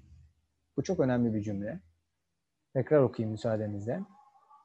Çünkü temelde ideal rüya yorumunun sembollerin yerine anlamlarını koymak olduğunu düşündüğünüz çağrışım tekniğini kullanmak istemediğiniz gibi bir kuşku taşıyorum. Bu zararlı hatayı yapmanıza izin veremem. Rüya şu şekilde. İtalik yazmış Freud bize. 13 Temmuz 1910. Sabaha karşı şu rüyayı gördüm. Tübingen'de bir sokakta bisikletle giderken kahverengi bir köpek arkamdan koşup topuğumdan yakaladı. Başka bir çeviriyle karşılaştırdım. Bir süre sonra bisikletten indim. Bir basamağa oturdum ve beni ısıran köpeğe vurmaya başladım. Isırma veya bir bütün olarak sahne bende kötü duygular uyandırmadı. Yaşlı birkaç kadın karşıda oturmuş bana gülüyor. Daha sonra uyandım. Sık sık olduğu gibi uyanırken rüyanın tamamı benim için açıktı. Burada sembollerin pek yararı olmaz. Rüya sahibi şunları söylüyor. Son zamanlarda sokakta gördüğüm bir kıza aşık oldum. Ama onunla tanışmanın bir yolunu bulamadım. Bunun en güzel yolu köpek olabilirdi. Çünkü hayvanlara özellikle düşkünüm ve kızdaki aynı özellik hoşuma gitti. Kızgın köpek kavgalarına defalarca başarıyla müdahale ettiğini ve çoğu kez çevredekileri şaşkına çeviren bir beceri sergilediğini ekliyor. Aşık olduğu kızın sürekli bu köpekle görüldüğünü öğreniyoruz. Ne var ki açık rüya söz konusu olduğu sürece kız yerine sadece yanındaki köpek görülür. Ona gülen yaşlı kadınlar genç kızın yerini almış olabilir. Diğer anlattıkları bu noktayı yeterince aydınlatmıyor. Rüyada bisikletle gitmesi hatırlanan durumun dolaysız bir tekrarıdır. Köpekli kızla bisikletli olduğu zamanların dışında hiç karşılaşmamıştır. Umut bu rüyaya Tübingenli Oedipus adını verdi. Ee, neler düşünüyorsunuz bu rüya ve öncesinde gelen Freud'un yorumuna dair?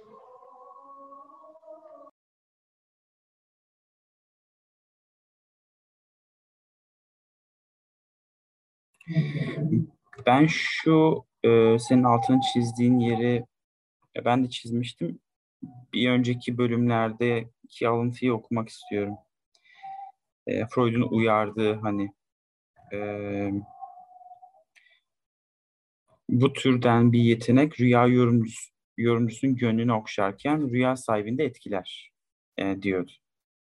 Yani e, yani bir çağrışımı takip etmeden rüyayı analistin kendi kaynaklarıyla yorumluyor olması, sembolleri e, lerin anlamlarını dışarıdan koyuyor olması e, çok iki tarafı da memnun eden bir ilişki olarak tarif etmişti. E, ve şimdi de uyardığı için ben de tekrar dönüp ekleyeyim dedim orayı.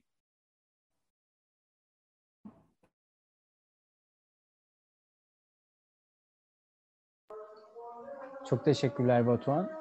Kendi kaynakları kıymetli bir ifade oldu.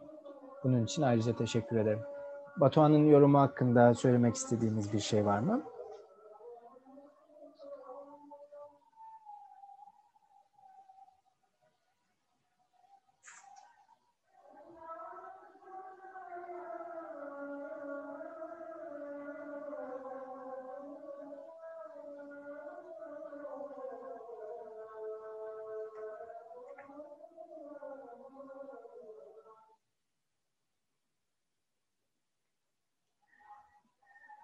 O halde müsaadenizle bu rüyayı geçiyorum.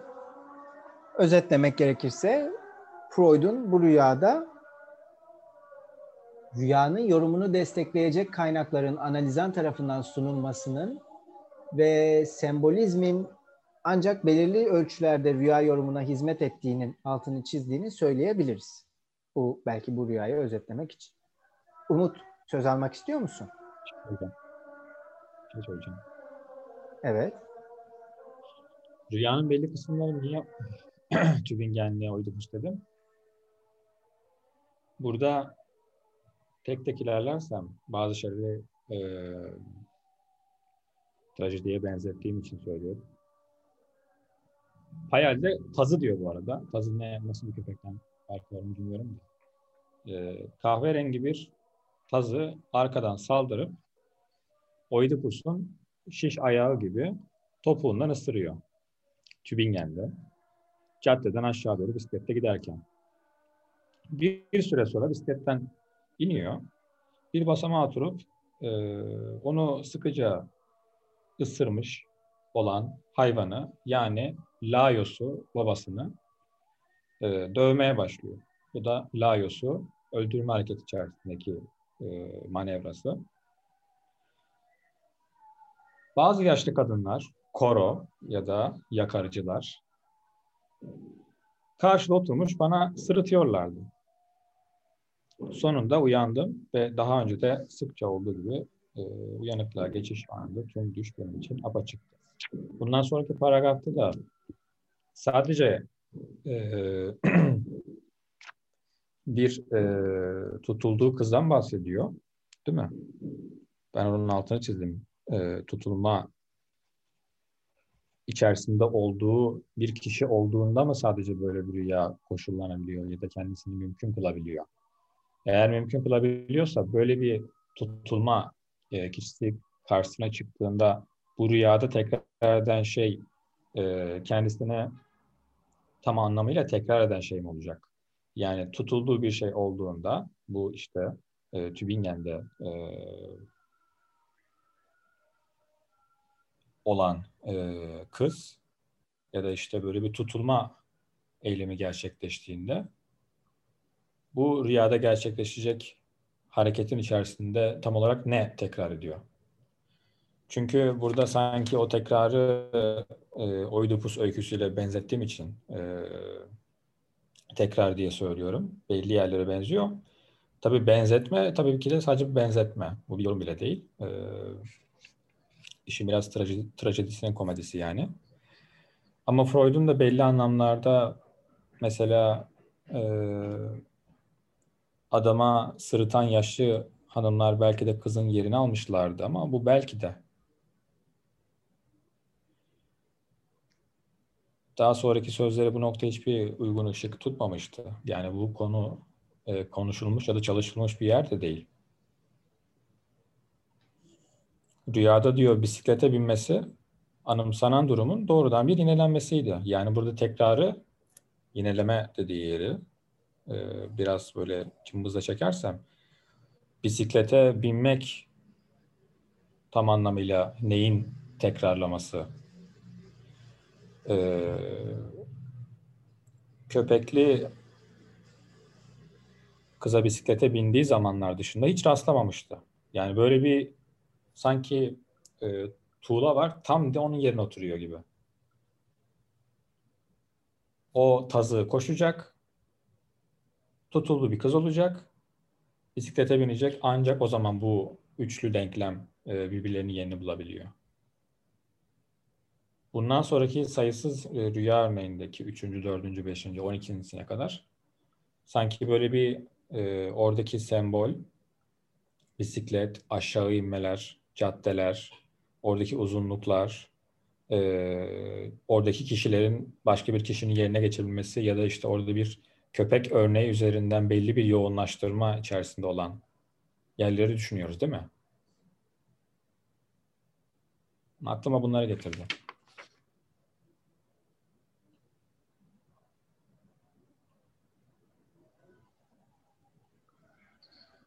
Teşekkürler Umut. Ee, aklına neden bunu getirdiğimi tahmin edebildiğimi zannediyorum. Sen de neden tahmin ettiğimi tahmin ediyorsundur diye düşünüyorum. Üstü kapalı konuşmayalım. Umut bana son zamanlarda Joseph Campbell'ın bir kitabını önerdi. Kahramanın Sonsuz Yolculuğu.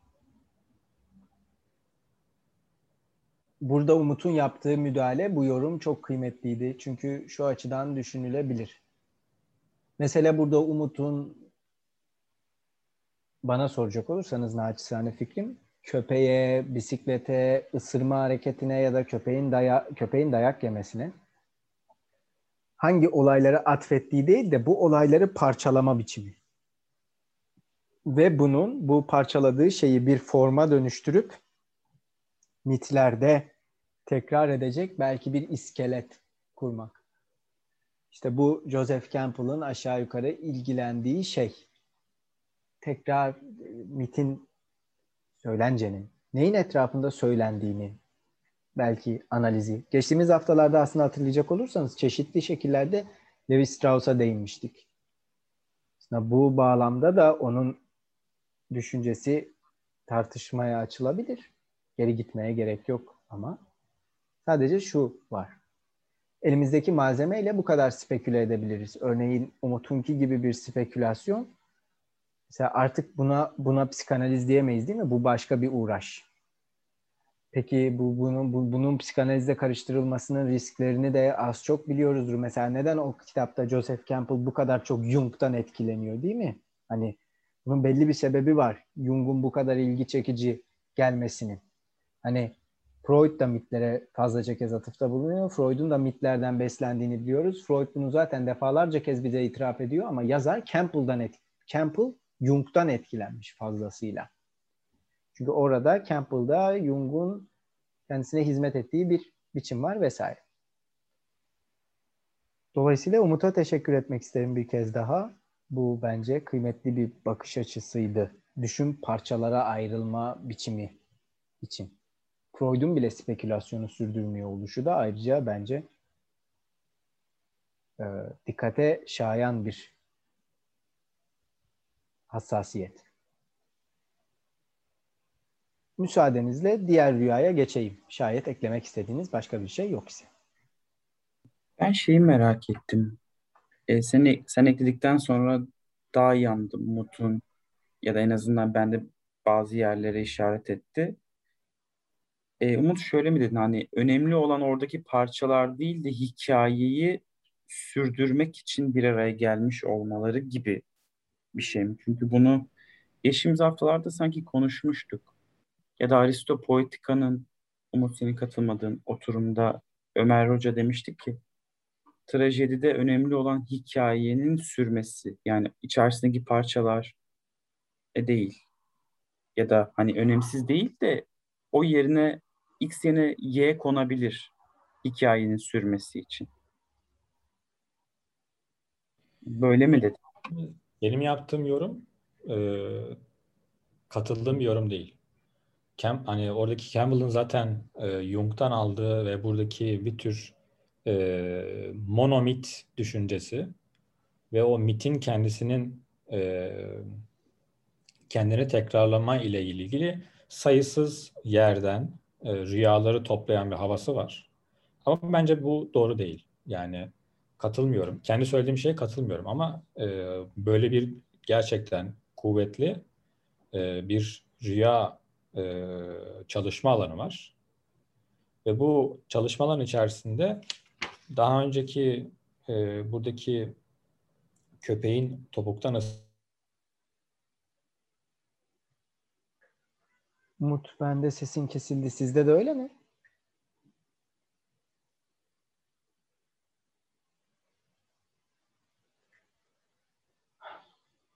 Maalesef Umut'u şu anda duyamıyoruz ve birden duymaya da başlayabiliriz. Dolayısıyla nasıl hareket etmemiz gerektiğini de bilmiyorum.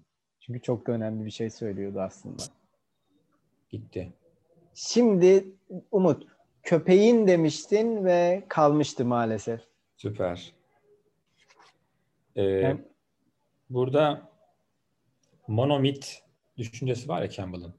Bu monomit kendini başka şekillerde değil, hani sayısız uygarlık tarihindeki rüyayı dinlesek de diyor.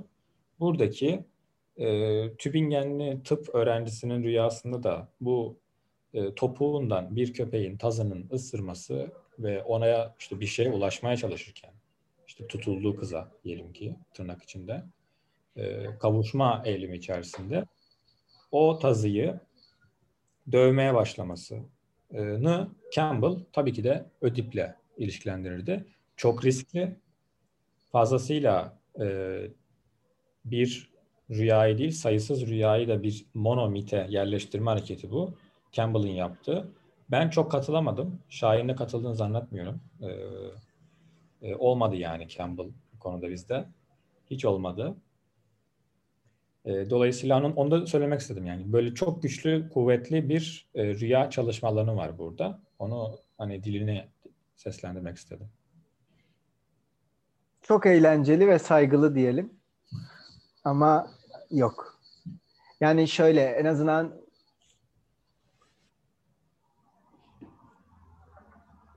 Freud psikanaliz hususuna sadakatiniz Freud'aysa e, pek ilginize mazhar olacak bir kitap olmayabilir. Ama mesele onun incelediği kaynaklar ise tahlilinin sistemi ise ondan öğrenilebilecek metodoloji ise takdire şayan. Bugüne kadar kaç farklı insandan bu kitabın adını duyduğumu hatırlamıyorum bile.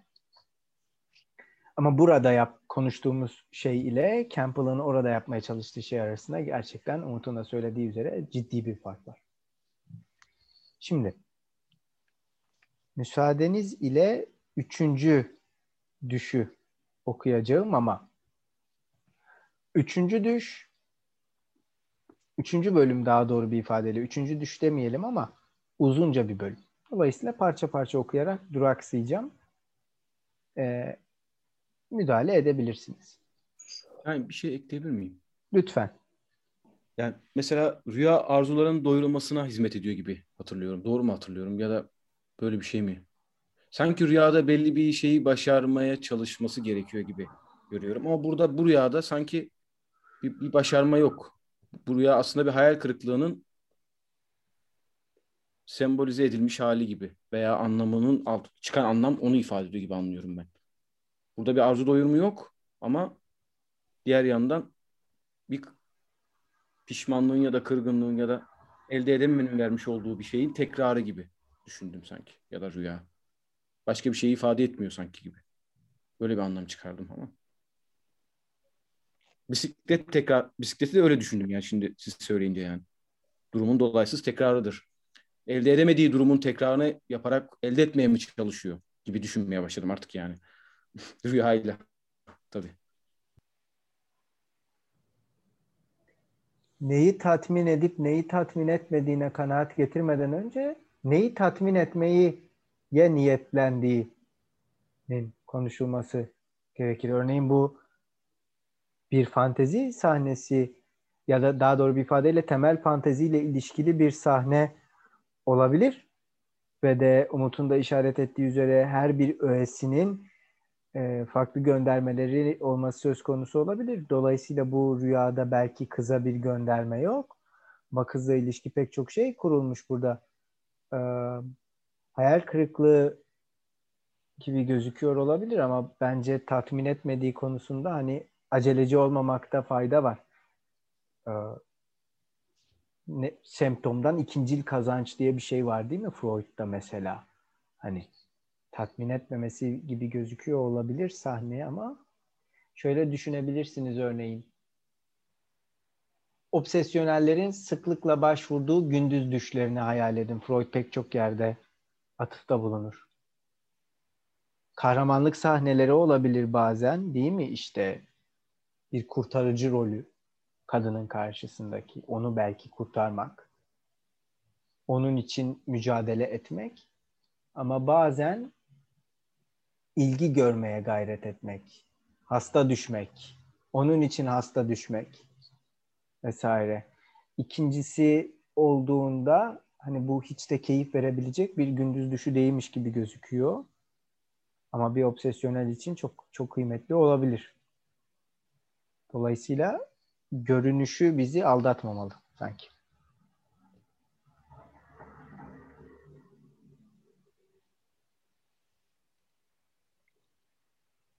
Bazen muzafferane, bazen fecaat olabilir. Ama neye hizmet ettiğini bilemeyiz. O kadar kolay olmayabilir. Ne der bize? Ne çok özür dilerim. Ne der bize Freud aktarımın dinamiklerinde? Herhangi bir kilise muharebe esnasında cephelere istinaden stratejik bir önem kazandığında artık herhangi bir kilise değildir.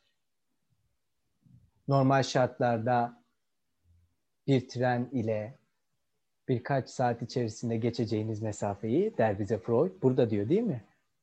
Savaş esnasında geçmeniz saatlerinizi alır. O yüzden sahnede aynı şekilde değerlerin yeniden değerlendirilmesine tabi tutulabilir. Diyeyim. Evet Umut seni dinliyoruz. Çok güzel. Bu Münihli e, öğrencisi Tübingen'de bir rüya görüyor. Bunun ne detayları bilmiyorum. Umut seni çok kesik kesik Ee, duyuyoruz. Tübingen'de rüyayı görüyor. Münih. Münihli bu tıp öğrencisi Geliyor musun? Ama evet Münihli tıp öğrencisi rüyayı Tübingen'de görüyor. Sonra Süper. Sonrasında şöyle bir tırnak içi kısmı var. En azından ondan duyduğumuz çok az bir hani e, cümle. Rüyasından sonra sanırım. Hani gönderirken ya da. evet. Tırnak içi kısmı biraz ilgimi çekti. Çünkü o konuşuyor yani. Hı hı. Son zamanlarda bir e, kıza aşık oldum. Ama yalnızca onu caddede görerek ve de onunla bağlantı kurmak için hiçbir yolum yoktu. Bu tazı bunu yapmanın en hoş yoluydu. Niye bu arada bu tazı bunu yapmanın en hoş yoluydu? Özellikle de e, hayvanları çok seviyordum. Kız da hayvanları çok seviyormuş. 1910 yılı ve bunun herhalde Münih'te gerçekleştiğini düşünürsek e, hayvansever bir e, e, Münihli muhtemelen başka bir e, arkadaşını e,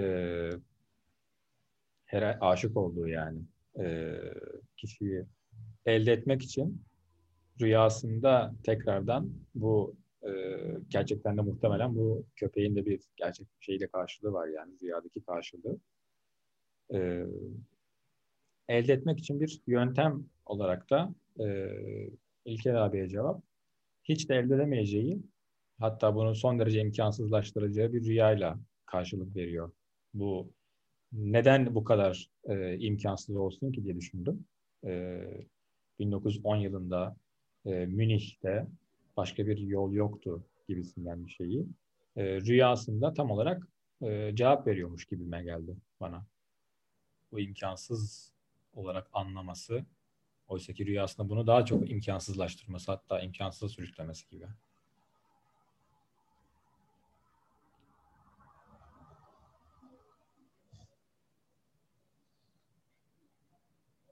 Yani hayvan sevgisinin istismar edilmesi gibi geldi bana. Kınayamam. Kınamayalım. Bilemeyiz. Ne hangi stratejilere başvurmamız gerekeceğini bilemeyiz. Kınamayalım. Allah utandırmasın diyelim. Ee, devam ediyorum müsaadenizle. Şimdi hatta isterseniz şöyle yapalım. Saat 22.34. Bir 10 dakika ara verelim. 22.45'te bir araya gelelim. Sonra üçüncü rüyayla devam edelim. Olur mu? Tamam o halde 10 dakika sonra görüşmek üzere. Ee, herkese merhaba. 28 Temmuz tarihli oturumumuzun ikinci yarısında yeniden beraberiz. Freud'un verdiği örneklerin üçüncüsünde kalmıştık. Müsaadenizle okumaya başlıyorum. Bir önceki oturumda da söylediğim gibi bu uzunca bir tartışma olacak. Dolayısıyla ben belirli yerlerde durmayı planlıyorum.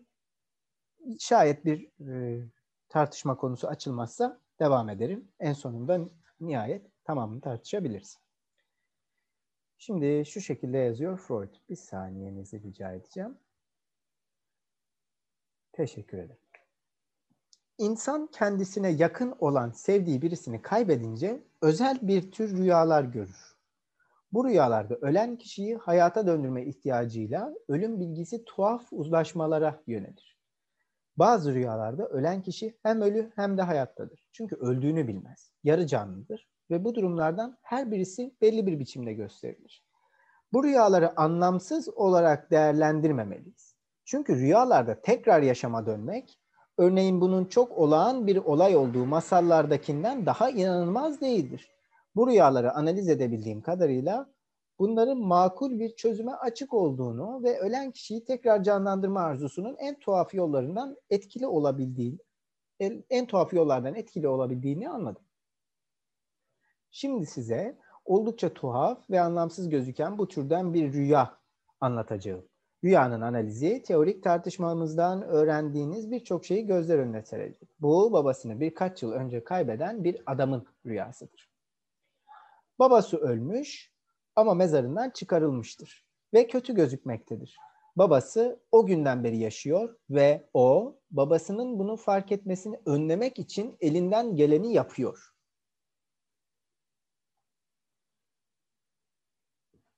Garip bir fiil çekimi değil mi? Payel'de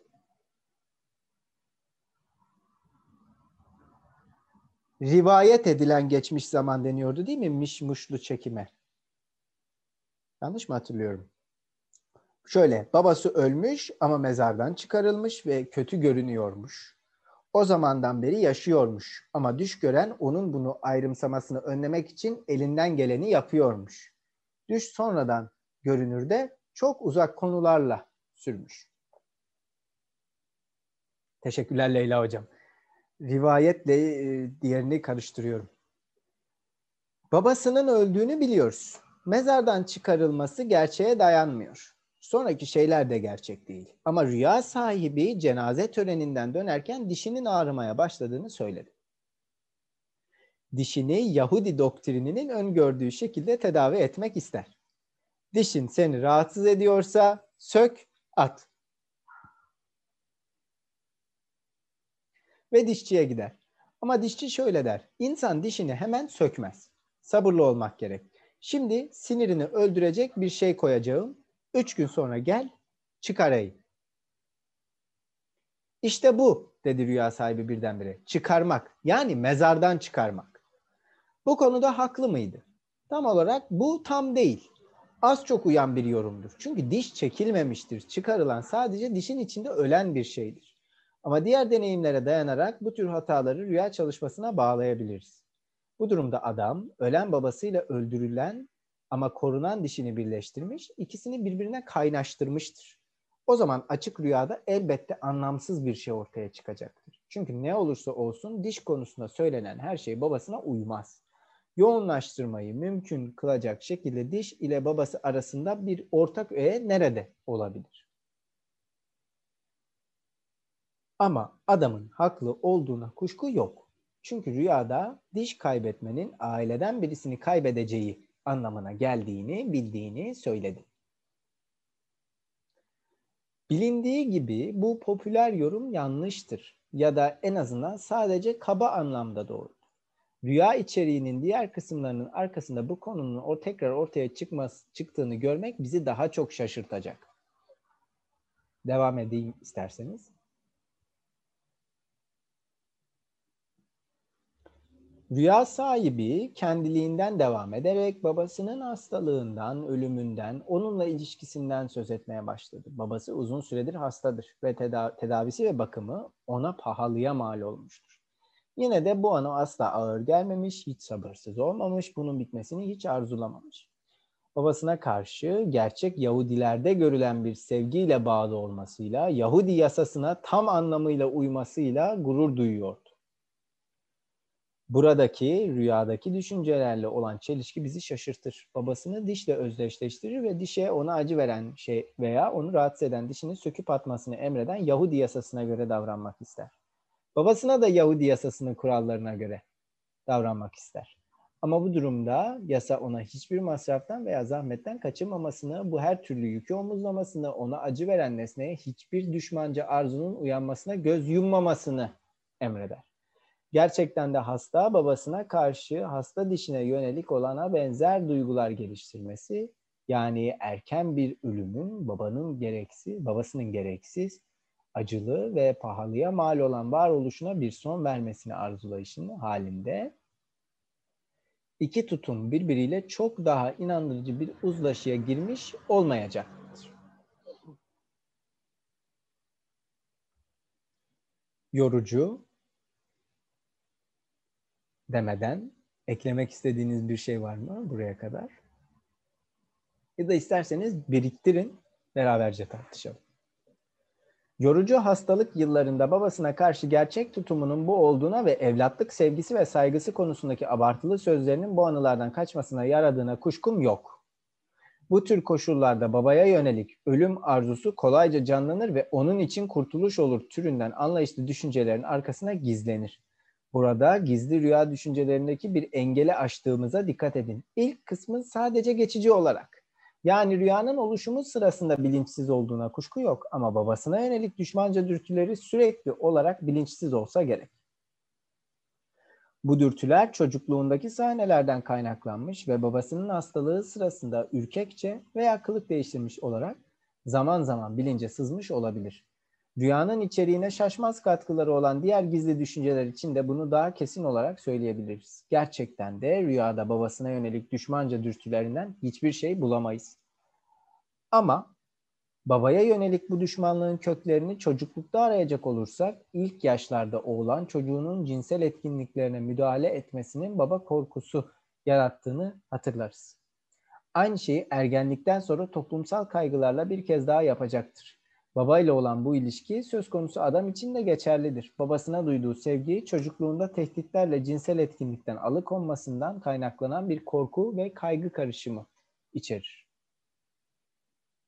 Söylemek istediğiniz bir şey var mı?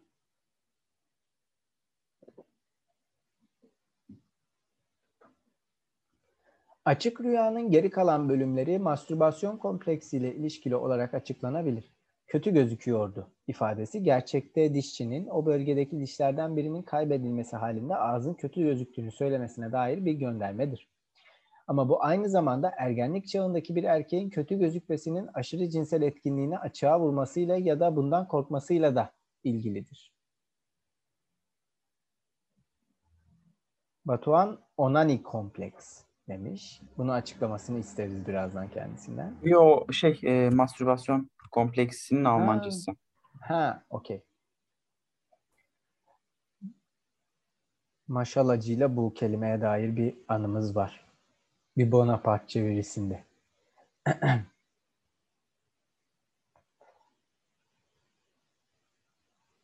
Açık rüyada kötü görünmenin kendisinden babasına kaydırılması bu rüya çalışmasının bildiğimiz bir ters çevirme türüdür.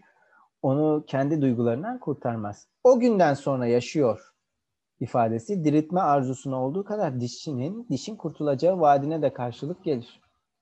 Babasının bunu fark etmesini önlemek için elinden geleni yapıyor cümlesi öldüğünü fark etmesini şeklinde yorumlanması gerektiğini düşünmemize yol açacak şekilde özenle tasarlanmıştır. Ama doğru yorum mastürbasyon kompleksiyle anlam kazanır. Burada gencin cinsel yaşamını babasından saklamak için elinden geleni yaptığı bağlantısını kendi içinde açıktır. Son olarak diş uyarımlı rüya dediğimiz rüyaları her zaman için mastürbasyon ve bundan ötürü cezalandırılma korkusuyla ilgili olarak yorumlamamız gerektiğini unutmayın.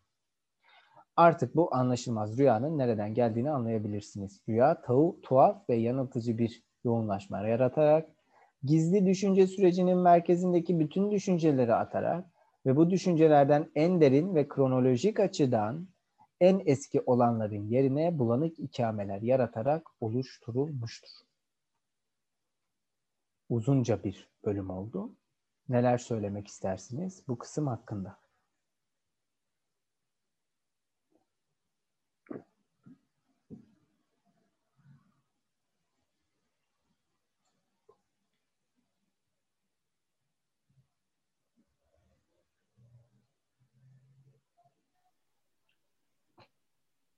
Bu 235'te öteki de gerçi e, birinci dipnotun verildiği hemen altında bir cümle geçiyor işte.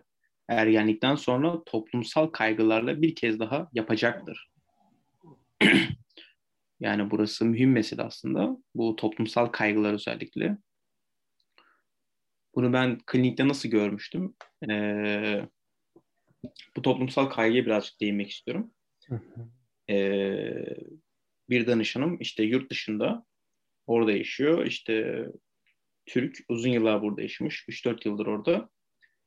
Orada yaşadığı e, toplumsal kaygıya dair bir kaydı yok. Yani onların kaygı, onunları kaygı, e, kaygılandıran şey e, bizim e, şahsı kaygılandırmıyor. Bizim şahsı kaygılandıran şey de onları kaygılandırmıyor. Bunun en basit işte kıskançlık mesela. İşte onlara göre herkes bireyci İşte herkes birey olarak takılabilir. İşte yeni arkadaşlar edinebilir. Yeni arkadaşlarla bir yerlere gidebilir, içebilir. Bunun için işte ailansa bir sadakat beklemek işte e, ağır bir yük değil. Bizdeki kültüre göre konuşuyor. Bunlar tamamen onun sözleri böyle. Ama şey diyor işte ben diyor Türkiye'de olsaydım diyor bu ailansa diyor işte yani bu kadar da saygısızlık yapılmazdı işte. Bir güne tanıştığım birisiyle bir yerleri içmeye gidemezdim. Ben kıskanç adamım gibisinden. Burada direkt aklıma şey geldi. Tabii ben bunu okuyorum ama bu kültürel farklılığı da e, bir yandan cepte tutmak gerekiyor. Çünkü eğer böyle bir şey varsa işte şey gerekiyor. Her kültüre bir psikanalizme. Bunun ben en başta şeyine gitmiştim hatta işte bazı kültürlerde psikanaliz yapılamaz mı diye. Ama biliyorsun işte Tahran'da psikanaliz diye bir eser var. Çok güzel bir eser bu arada. Yani oradaki e, Tahran'da psikanaliz yapılıyorsa bence her yerde psikanaliz yapılabilir. Ama bu toplumsal kaygıyı da ilk okuduğumda aklıma direkt Ödipus gelmiş böyle. Direkt oraya böyle koymuşum. Çünkü e, Freud'un o paragrafı bitirdiği cümle işte babasına duyduğu sevgi çocukluğunda tehditlerle cinsel etkinlikten alıkonmasından kaynaklanan bir korku ve kaygı karışımını içerir. Yani e, bu Oedipus mitine gittiğimiz zaman benzer benzer şeyleri görebiliriz. Ama buradaki şey bir yandan da işte tekrar mü? Yani bu sürekli işte her analizin için geçerli bir, bir şey mi gibisinden. Ama tabii biz bu hikayeye baktığımızda işte baba var, işte babanın ölümü var. İşte babanın ölümünden e, duyulan bir keyif olabilir. Çünkü babanın masrafları çok fazla. Ama bir anda Yahudi doktrine göre de e, bu doğru bir şey babanın ölmesi. Çünkü işte diş ağrıyorsa çekilmesi gerekiyor. Yani bunlar çağrıştırdı bana.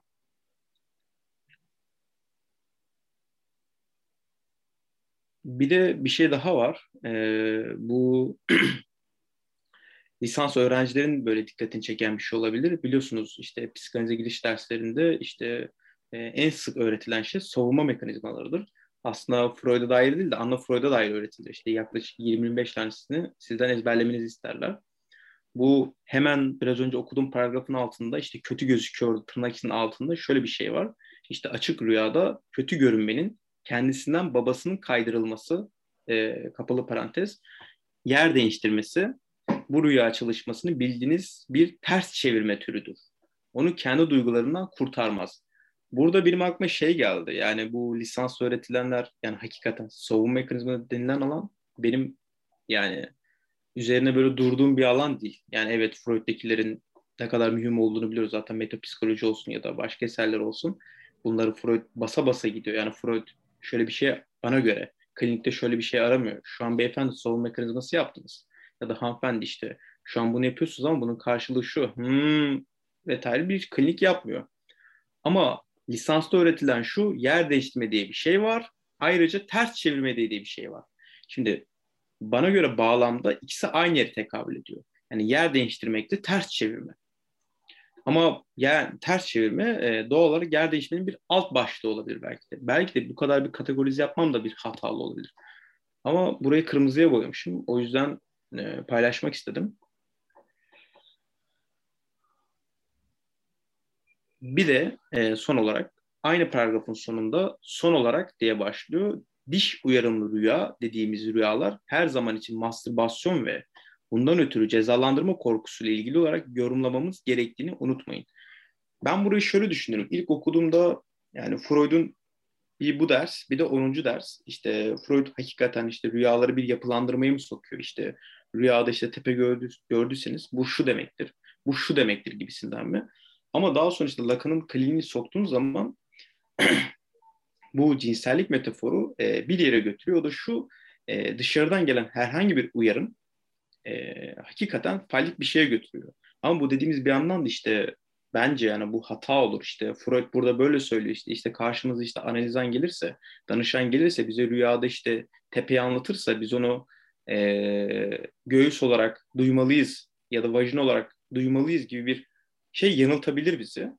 Ben o yüzden burada diş uyarımlı rüya değil de direkt e, dış uyarımlı rüya olarak okudum. Tabii bu dişle dış arasındaki benzerlik de ayrı bir olay. Nokta Türkçe'de mühim bir şey. Aşırı mühim bir şey bence. Son bir yer kaldım diye bakıyorum. Sonra bitireceğim.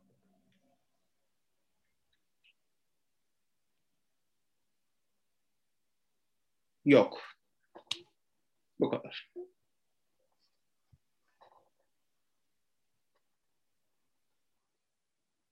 Teşekkürler Tarık. Sözü bir başkasına vermeden evvel Umut'un chat kısmına yazdığı şeyi yüksek sesle dile getirmek isterim. Öteki yayınlarında dördüncü düşe geçmeden evvelki kısa paragrafta bulanık olarak ifade edilen şeyin karşılığı çifte değerli. Bu önemli bir hadise. Çifte değerlilik kavramı Freud'da. Çünkü bir önceki oturumda biz uzlaşılardan bahsettik. Eğer burada çeşitli ikameler çifte değerli yani ambivalans bir yapıdalarsa buna istinaden de göz önünde bulundurmalılar. Yani az önceki uzlaşı tartışmamız burada seçilen ikamelerin e, ikame daha doğru bir ifadeyle ikame seçilmesi sürecinin iç, içerisine dahil olan dinamikleri de düşünmemiz açısından önemli olabilir. Yani altın çizmek istiyorum. Burada mesele çifte değerliliğe ilişkin bir mesele. Söz almak isteyenler lütfen buyursunlar.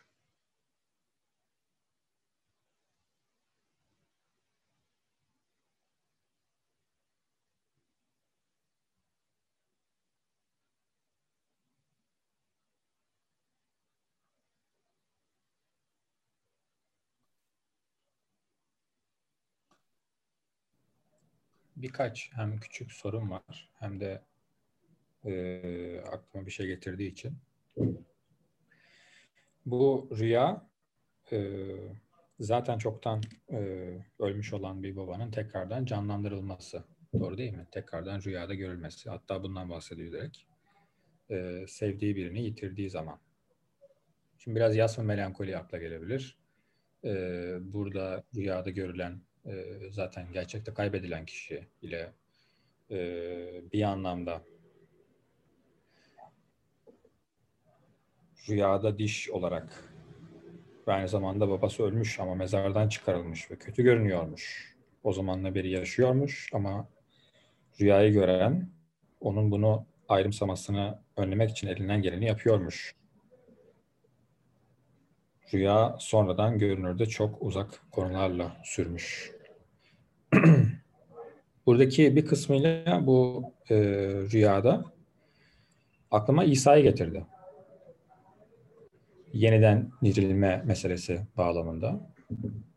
Çünkü orada da e, İsa'nın söylediği zaten Yahudilerin tanrısı e, e, çoktan e, yitirmiş olan haliyle kendisinde canlandıran kişi e, ölmüş olanı tekrardan canlandırır ki zaten İsa'nın kendisi de aynı zamanda kötü görünür.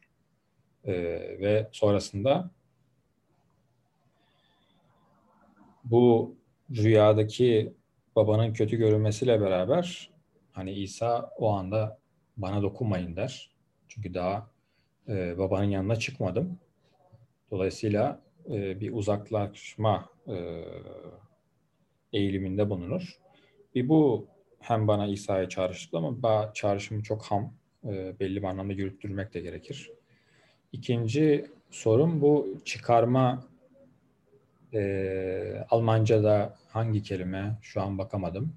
Çıkarma belli anlamlarda e, askeri çıkarma aynı zamanda bir şeyin bir şeyden çıkarılması, bir şeyin bir şeyi çıkartması, şeyin bir şeyi ortadan kaldırması, rafa kaldırma anlamlarına gelebilecek çok anlamı olan bir kelimeyle de benziyormuş gibime geldi. Aufhebung kelimesiyle. Hı hı. Bak hani bakma şansı olan varsa şu an e, metinde bu çıkarma hangi kelime ve mezardan çıkarma ile nasıl bir kelime e, benzerliği açısından. Batuhan bunlar... bakıyor musun sen? Eşim Türkçesinde arıyorum. Türkçesinde nerede olduğunu bulursam Almanca'ya bakacağım. Üçüncü rüya bölümün tam altındaki kısa paragraf. Batuhan bu arada Almanca metninde gönderdi bize. Hepimiz buradan. Almanca'da belki. Umarım. Özelinde Aufhebung. Ee, özelinde aslında bu çıkarma meselesi. Hı hı. Ee, ben kaçırdıysam sesim geliyor mu? Geliyor Umut. Ben kaçırdıysam siz bu tertium compara Tionis e, dediği 164. sayfaya referans veriyor Payel. Hı hı, E, oraya hı. baktığımda bugün e, görebildiğimi zannetmiyorum da o konuyla ilgili bir bilgi isteyecektim sizden ben. E, çıkaramadım acaba diye. Çünkü siz ondan önce çalışmıştınız. Bu size bir soru. Üçüncüsü bu Yahudi bağlılığı dediği Yahudi yasasına katı itaatiyle övünüyordu dediği. Saldırıyorsa çekilmesini emreden Yahudi yasası. Bu biliyor musunuz? Nerede geçiyor? Ben hatırlayamadım. Biliyor, biliyorsanız merak ettim. Tekrar Gördüğünüz söyler misin? Zaten orada çete yazmıştım. Evet. Saldı şöyle diyor ya eğer dişin sana saldırıyorsa onu çektir. Ünlem. Dişe Yahudi inancı doğrultusunda davranmak istemiş. İlk nokta üst üste eğer dişin sana saldırıyorsa onu çektir. Bu nerede tam olarak geçiyor? Ne anlamda geçiyor? Bunu bilmek istedim. E, araştırmadan önce bilen varsa bu merakımı gidermek istedim bir an önce. Eski Ahit öğretisinde soruyorsun değil mi? Muhtemelen tabii ki de öyledir de. Nerede acaba? Yani bence bu örnek şey olarak yani eee, hani kısasa kısas İslamiyet'te var. Kısa kısa anlatmak için işte göze göz denir. Ama göz göz aynı zamanda kısasa kısas demektir. Belki böyle bir örnek olabilir. Yani on emri açıp o yasanın tekrarını tekrardan okumak belki de fayda verir orada. Yani direkt dişin ağrıyorsa çektir değil de başka bir şey olarak vardır. Ama hatırlıyorum böyle, anımsıyorum öyle bir şey. Eski ahitimi elime alıyorum, bekle. Umut, tertium comparationis ortak öğe demekmiş. Aslında bu Lacancı manada unitrate içinde önemli olabilir. Biz bunu geçtiğimiz haftalarda şu bağlamda konuşmuştuk. Senin için kısaca bahsedeyim. Düş işleminin benzetme faaliyetini na- nasıl hangi şekillerde gerçekleştirdiğinden bahsediyor Freud. İşte belirli bir öğenin bir kısmı benzetilebilir, belli e, tamamı benzetilebilir, öğe tamamen ortadan kalkabilir vesaire şeklinde. E, biz de daha sonrasında hatta ben Leyla Hoca'ya da e, selam vererek Türkiye'de Türk Türkçedeki teşbih beliden bahsetmiştim. Yani yönü benzeteni, benz, benzetileni ve benzeyeni olmak usulüyle tüm öğeleri bulunan bir teşbih işi. Yani istihareden farklı olan bir teşbih işi. Ama buradaki e, ortak öğe bağlamında yani yoğunlaştırmayı mümkün kılan ortak öğe bağlamında tertium comparationis aynı zamanda Freud'un daha önceki haftalarda bahsettiği düşte be- bir- belirli bir kişinin bir kişiye tekabül edemeyeceği gerçeğini açıkladığı bölümlerle de beraberce düşünülebilir. Kısaca bunu söyleyebilirim. Bir şey ekleyebilir miyim? Lütfen. Belki yine spekülatif olacak ama burada Yahudi yasasıyla babanın yasasının üzerine düşündüm biraz sanki. Yani belki klişe olacak hatta söylediğim. Babası ölse bile aslında hala içinde gibi. O yasa hala içinde devam ediyor gibi düşündüm ve ardından Umut'un tam dikkat ettiği yere dikkat ettim ben de. Dişin seni rahatsız ediyorsa sök at. Yani sanki burada bir özgürleşme uğraşı var gibi ama diğer yandan babası hala ölse de bedensel olarak ölse de kendi içinde hala devam ediyor yasası. Aynı Yahudi yasası gibi. Babasının da yasası devam ediyor aslında. Buna bir çözüm getiriyor mu bilmiyorum. Anlayamadım orasını ama hani böyle bir yöne çekti beni.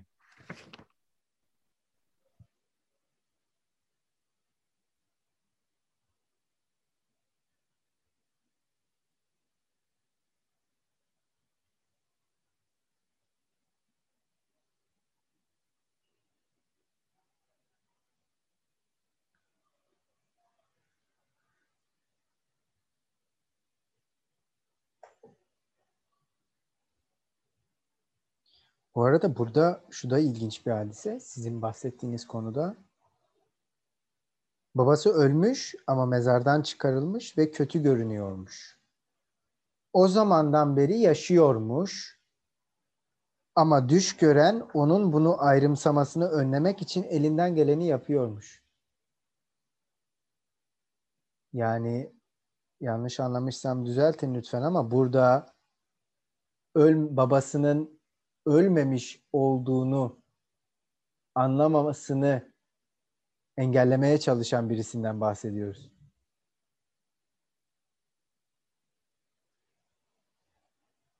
Çok Freudçu bir şaka yapmama müsaade edin lütfen. Bastırılan babanın geri dönüşüne engel olmak gibi bir şey bu.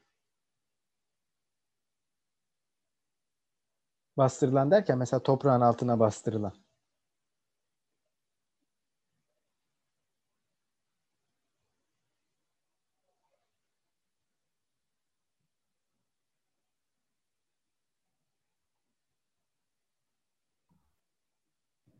Bir şey geldi aklıma.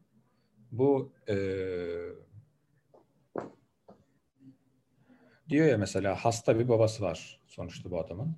E, hasta babasına yönelik olarak da hasta e, dişine yönelik rüyasında gördüğü e, duyguların aynını geliştirseydi. Yani erken bir ölümün onun gereksiz, acı verici ve masraflı varoluşunu sona erdirmesini isteseydi iki tutum çok daha inandırıcı biçimde uzlaşmış olmaz mıydı diye soruyor. Burada çok defa e, Freud'da örnekleri Anna O'da da var galiba değil mi? Hasta bir baba var e, yine e, ve aynı şekilde Dora'nın da babası e, hasta. Birçok kişinin babası ya ölü ya da hasta diye hatırlıyorum. E, evet. gelen ya da Freud'un anlattığı e, kişilerin. Ve burada ölmek üzere olan e, yaşlı insanların mesela James Joyce'da e, annesi örnek bu arada tam tersi. Burada yine aklıma gelen e, ölecek olanın ölmeye doğru giderken ki e, yolculuğunda evlatlarda uyandırdığı şey bağlamında bir e, tekrarlama ya izin veriyor mu acaba? Ya da bunu mümkün mü kılıyor acaba bu e, hastalanma içerisinde olan kişinin evlatları? Kardeşler bağlamında e, da düşünmek gerekir. Belki Batuhan burada bir şey söyleyebilir. Kardeşlerin buradaki suçluluğu, aynı zamanda son cümledeki bu, çifte değerliliği e, ne aklıma getirdi e, kardeşler bağlamında. Bu kişi de aynı zamanda bu e, sonuçta düşmanca e, duygularının yanında şöyle bir hani sızma Freud'un söylediği anlamda bir sızmayı da e, Freud gözden kaçırmamış. O da bu 198. sayfadaki e, hareket. Hiç kuşkusuz bu düşüncelerin ilk e, kesimi bilinç dışında ama yalnızca geçici olarak. Yani rüyanın oluşumu sırasında. Ama babasına yönelik düşmanca etkiler kalıcı olarak bilinçli kalmış olsa gerek. Onlar çocukluk sahnelerinden köken almış ve babasının hastalığı sırasında hastalığı sırasında utangaçça ve kılık değiştirmiş olarak ara sıra bilincine sızmış olabilir. Ama ara sıra bilincine sızmış olabilir. Bu bilince sızan ama bir anlamda e, utangaçça ve kılık değiştirmiş olarak görünen e, bu fenomen herhalde klinikte çok fazla e, rastlanan bir sızma hareketi. Bu sızma bir anlamda zorunlu mu acaba diye düşündüm. E, sızmalar gerçekleşiyor mu diye ki toplumsallıkta muhtemelen pek mümkün değil. E, toplumsal e, güdüler bağlamında da düşünüldüğünde e, hastaya karşı yani hasta olan birisine karşı olan e, saygı bu saygının içerisinde birikmiş olan tüm e, düşmanca aslında değil mi? Kardeşler arasındaki düşmanca e, düşüncelerin açığa çıktığı e, bir mümkünlük alanı oluşturuyor mu acaba? Çünkü burada Karamazov kardeşler de aklıma geliyor. Tarık burada. Karamazov kardeşlerde de e, hani paralel bir hikaye olmasa da e, kardeşler arasında bir husumeti hatta o husumetin kendisinin zaten mümkün kıldığı e, husumeti çoktan hani sanki bir aile romansı gibi e, çoktan yazılı olan bir şeyin kaderi tekrarlanıyormuş gibi bir hava e, hissediyorum. E, bilmem anlatabildim mi göndermelerimde. Tabii burada Freud'un temel e, vurgusunun ambivalan e, bir mesele ve tamamıyla bilinç işi olduğunu, duygularda, afeksiyonda hiç e, önemsemeyip Freud'un da burada meselenin ambivalan bir e, yerde durduğunu e, belirtiyor. En son artık yani.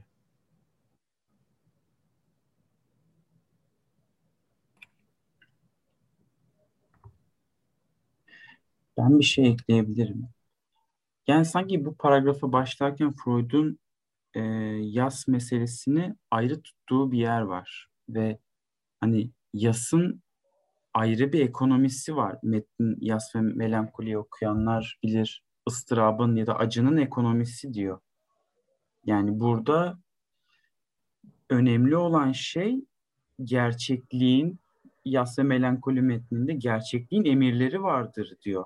Yani bu emirde sevilen nesnenin artık var olmadığının ortaya koyulmasıyla alakalı. Yani bu yasın ekonomisiyle alakalı. Ve şey diyor, günün sonunda kazanan e, gerçekliğe saygıdır diyor metinde. Ve İlker abinin dediği gibi yaz çalışmasının sonucun bir özgürleşmeyle alakalı olduğundan da bahsediyor ama e, belki metni doğrudan yorumlara atayım. Ayrıntıda açık bir şekilde çevrilmişti. Oradan şunu okuyayım mesela. Bu karşı koyma, bu gerçekliğin emrine karşı koyma bazen öyle güçlü bir hale alır ki gerçeklikten bir uzaklaşma ve sanrısal bir psikozun oluşturduğu bir ortam aracılığıyla nesneye bir yapışma hali meydana gelir. Bence burada me hmm, Freud'un bahsettiği uzlaşı ya da oradaki gerilim e, gerçekliğin emriyle birazcık e, alakalı olduğunu düşünüyorum.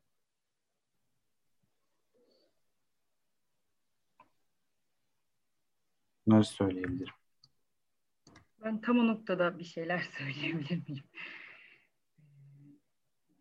Ya şöyle aslında biraz o sizinle de paylaştığım yazıda da hani Şahin'in dediği o şeyi yapmış olacağım biraz ama kendi yazıma atıf yapar gibi olacağım ama aslında Zeynep Sayın'a atıf yapacağım Ölüm Terbiyesi kitabına.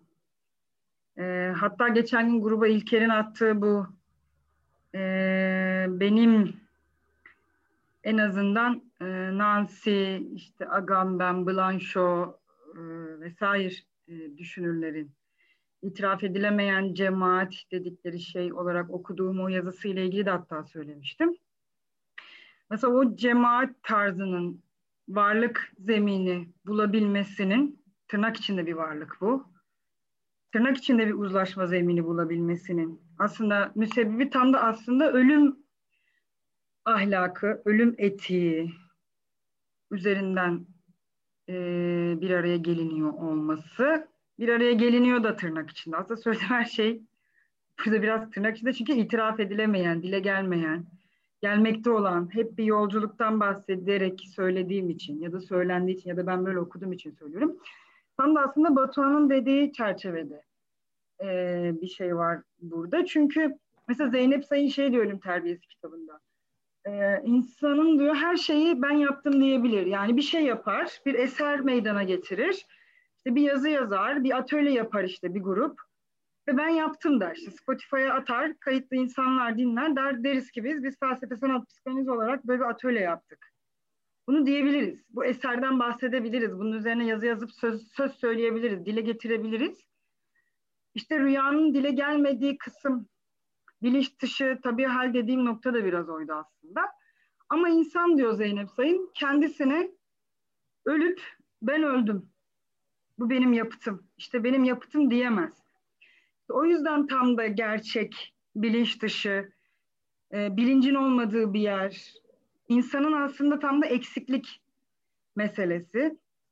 Hatta yanlış hatırlamıyorsam Derrida da The Animal Therefore I Am'de biraz hayvanlarla ortaklığımızın, müşterekliğimizin buradan geliştiğini söylüyordu. Aslında eksiklik fazlalıklarımız değil de eksikliklerimiz ya da fazlalık olan eksikliğimiz. Bir tarafı eksiklik, bir tarafı fazlalık olanlar üzerinden bir araya gelmekten bahsediyordu. Acı çekmekten, yaralanabilirlikten, ölebiliyor. Ölebiliyor demeyeyim de ölecek olmamızdan illaki. Böyle bir müştereklikten bahsediyordu. Ee, yani e, Batuhan'a şiddetle katılmakla beraber bunları da eklemek istedim.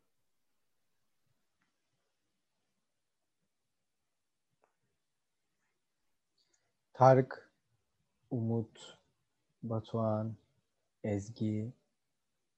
Çok teşekkürler. Umarım unuttuğum kimse yoktur. Eğer toparlamak maksadıyla söz almak isteyen yoksa müsaadenizle bir sonraki düşe geçmek isterim.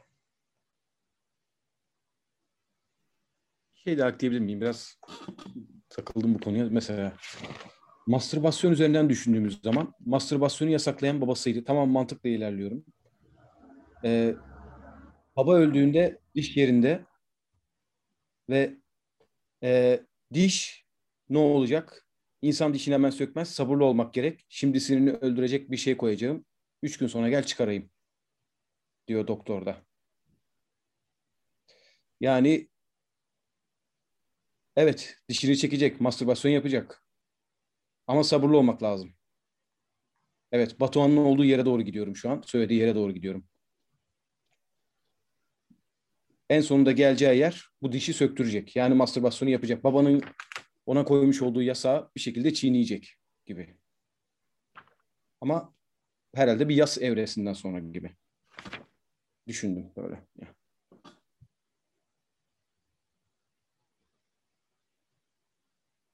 Vahşi yorum olmadı mı? Abi vahşi yorumu sen değil Freud yapıyor. Evet evet.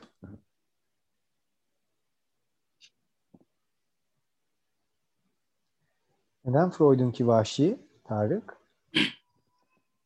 İşte beklediğim soru buydu. Hazır mısınız? Lütfen.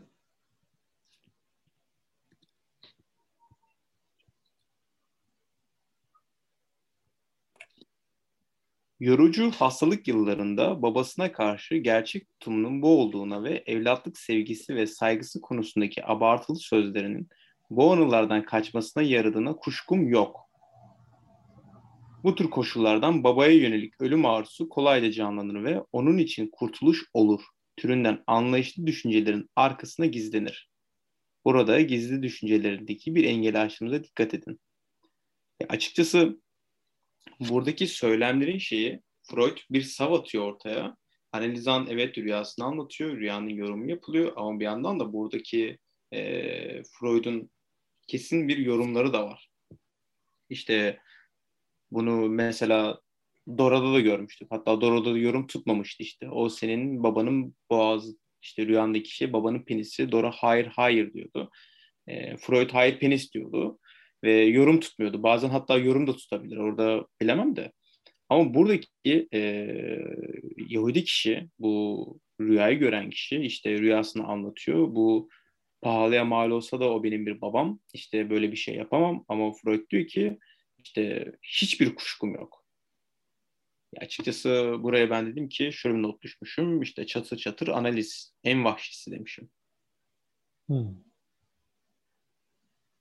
Bu arada bir nüans daha vereyim. Bunu süpervizyonda öğrenmiştim. Burayla alakalı. Hani şimdi biz bunları okuyoruz. Hatta e, Küçük Hans'ı ben bir de Dora'yı çok iyi çalıştım. Diğerlerini hiç o kadar iyi çalışmadım. Hani orada Freud düşüncelerini söylüyor, analize dair şeylerini söylüyor. Peki klinikte bunun karşılığı nasıl oluyor diye. İşte ben süpervizyonu sormuştum yani. İşte hani ben analize geliyorum. Benim için analiz yeni mi? Daha henüz iki yıl olmadığı için mi böyle çatır çatır yorumlar gelmiyor işte olgu öykülerindeki gibi. Sinden. O da şey dedi. Kendisi bir nüans verdi. Hatta bunu ona sormuştum. Bunu bir toplulukta anlat, anlatabilir miyim gibisinden. O da hayır anlatabilirsin demişti. İşte kendisi e, Fransa'dayken şöyle bir yöntem de denemiş. İşte analizan geliyor. İşte bana o olayı anlatıyor. 10 seans yapılıyor. 10 seans sonra diyorum ki işte siz bana şunu anlattınız. O şey bu. İşte annem diye bahsettiğiniz kişi sizin hep ideal olmak istediğiniz kişi. İşte erkek arkadaş sizi terk ettiğini söylüyorsunuz. İşte babanız sizi erken yaştayken bırakmıştı. İş yerindeki o adamın bakışlarından rahatsız oluyorsunuz. Çünkü onun otoritesi size bakıyor. Doğrudan ben bunu e, Analizan'a söyledim. Çatır çatırdı böyle yani. Ne oldu? Hiçbir şey olmadı. Hiçbir olay olmadı. Bir sonraki seansa geldi. Sonra da ben de vazgeçtim dedi. Yani bu klinikteki ayrımı bu şekilde gidiyor. Yani böyle analizan e, böyle bir Freud'un yukarıda söylediği gibi bir cümleyi duymuyor. Ve teoride buna karşılaşabiliyoruz. Tabii bunun başka bir yolu da ihtimali de yok zaten. Bunu öğrenmenin. Ama benim ikisinde böyle çocukça da olsa bir soruydu. Ve çok güzel bir yanıt almıştım.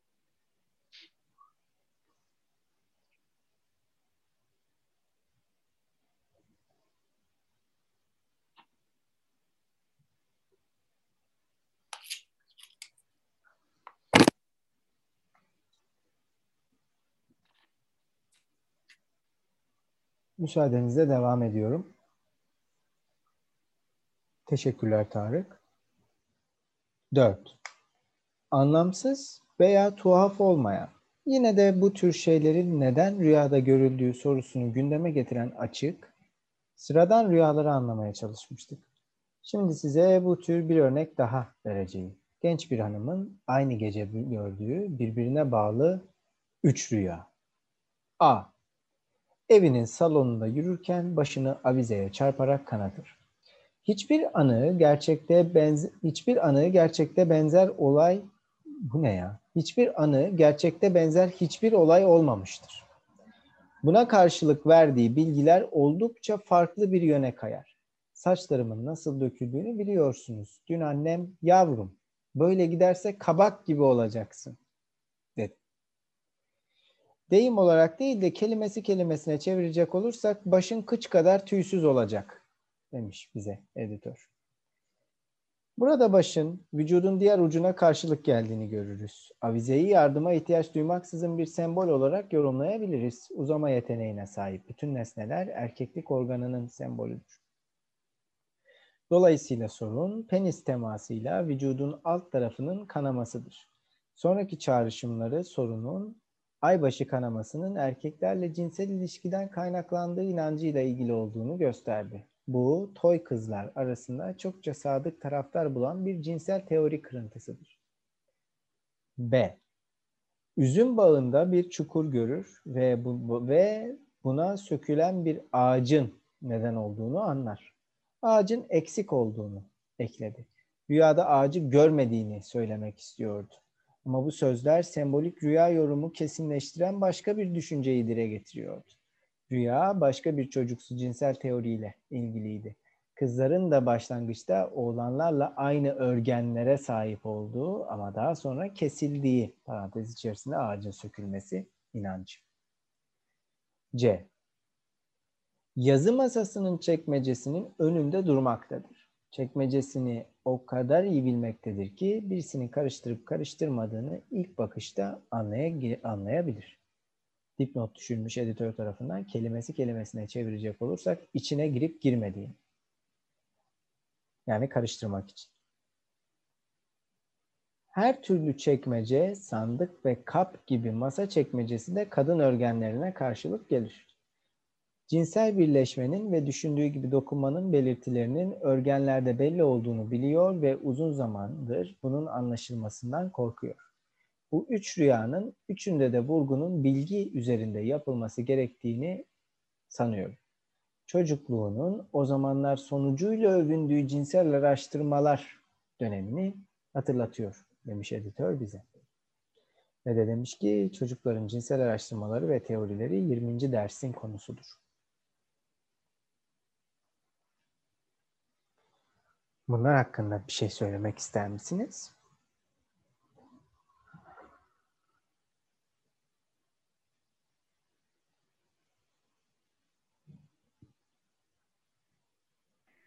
Sadece şeyi söyleyeceğim. Bir yerli film vardı. 4-5 sene önce gösterime girmişti galiba. Adı Çekmecelerdi ve tiyatro oyuncusu bir baba var. Bilmiyorum izleyenleriniz vardır belki. Bir kız çocuğu var ve kız çocuğu tiyatro kulisinde büyüyor aslında. Ve e, kız çocuğu sürekli mastürbasyon yapmak istiyor böyle çocukluk döneminde. Yapıyor da falan. Ve babası bundan kaynaklı ona böyle bir bastırma ve şiddet uygulama işte e, daha çocukluktan başlayan bir şey. Babasıyla kızın o hikayesini anlatıyordu. Filmin adı da Çekmecelerdi. Niyeyse bu e, okuma bana böyle bir o filmi hatırlattı. Bilmiyorum yani şimdi filmi tam ayetten hatırlamıyorum. Bir de tiyatro kulisinde büyümesi falan da çocuğun babasının tiyatrocu olması. Bütün bunlar böyle birden bir, bir şey oluşturdu ama tam da ifade edemedim. Filmi de izleyeli bayağı oldu. Bilmiyorum belki bakmak istersiniz. Teşekkürler Ezgi.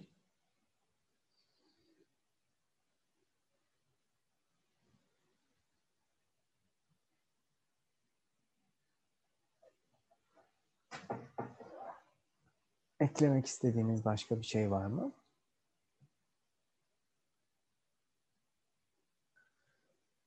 Öyleyse müsaadenizle şunu önereyim. Beşinci rüyayı okuyalım. 239. sayfanın ilk paragrafına kadar gelelim.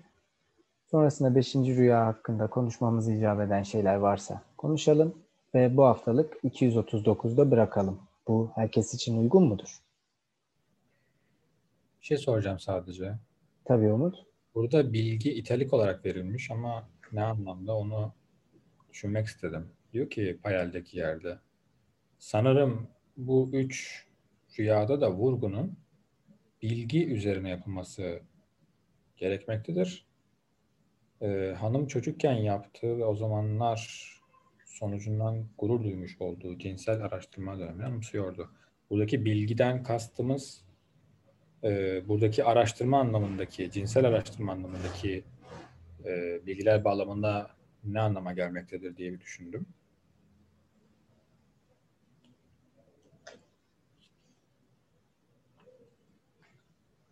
Var mı Umut'un sorusunu tartışmak isteyen? Almancası ne Umut? Bakabildin mi? Ben şimdi bakıyorum ama. Ben bakamadım ona da. Almancası Wissen ya.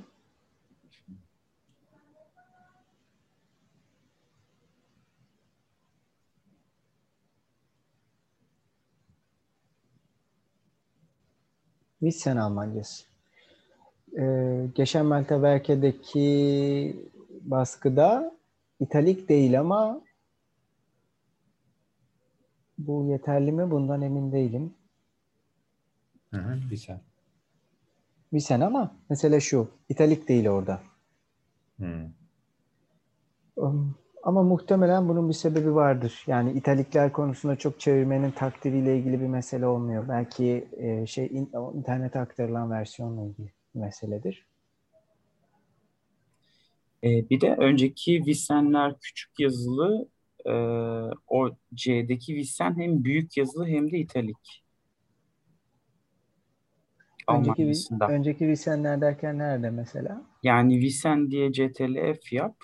Ee, Ha, tamam. Oradaki hepsi küçük ama Umut'un işaret ettiği Visen büyük ve italik. A- Onun sebebi e, bazen fiil olarak kullanılmış olması olabilir. Değil mi Umut? Das Visen. Burada Das bir Lan isim olarak kullanıldığı için öyle. O yüzden italik koymuşlardır onlarda. Hmm.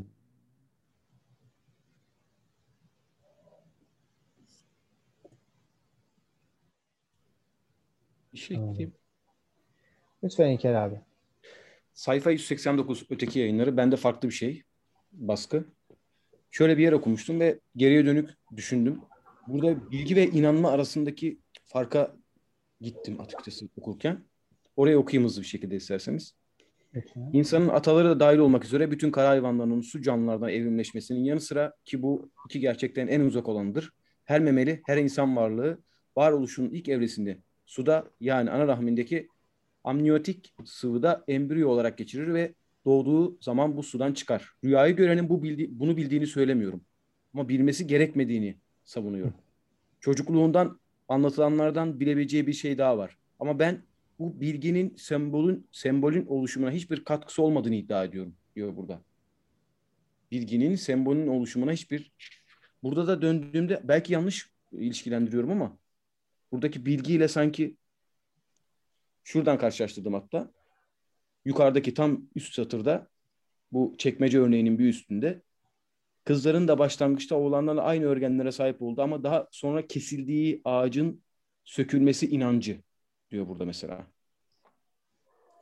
Sanki bu burada böyle bir inanç ve bilgi ayrımı var ama bu burada bahsedilen şey de sanki yani ya anlatamadım aslında. Tam birleştiremedim ama burada böyle bir çelişki var gibi geldi bana. Belki de doğru anlayamadığım içindir.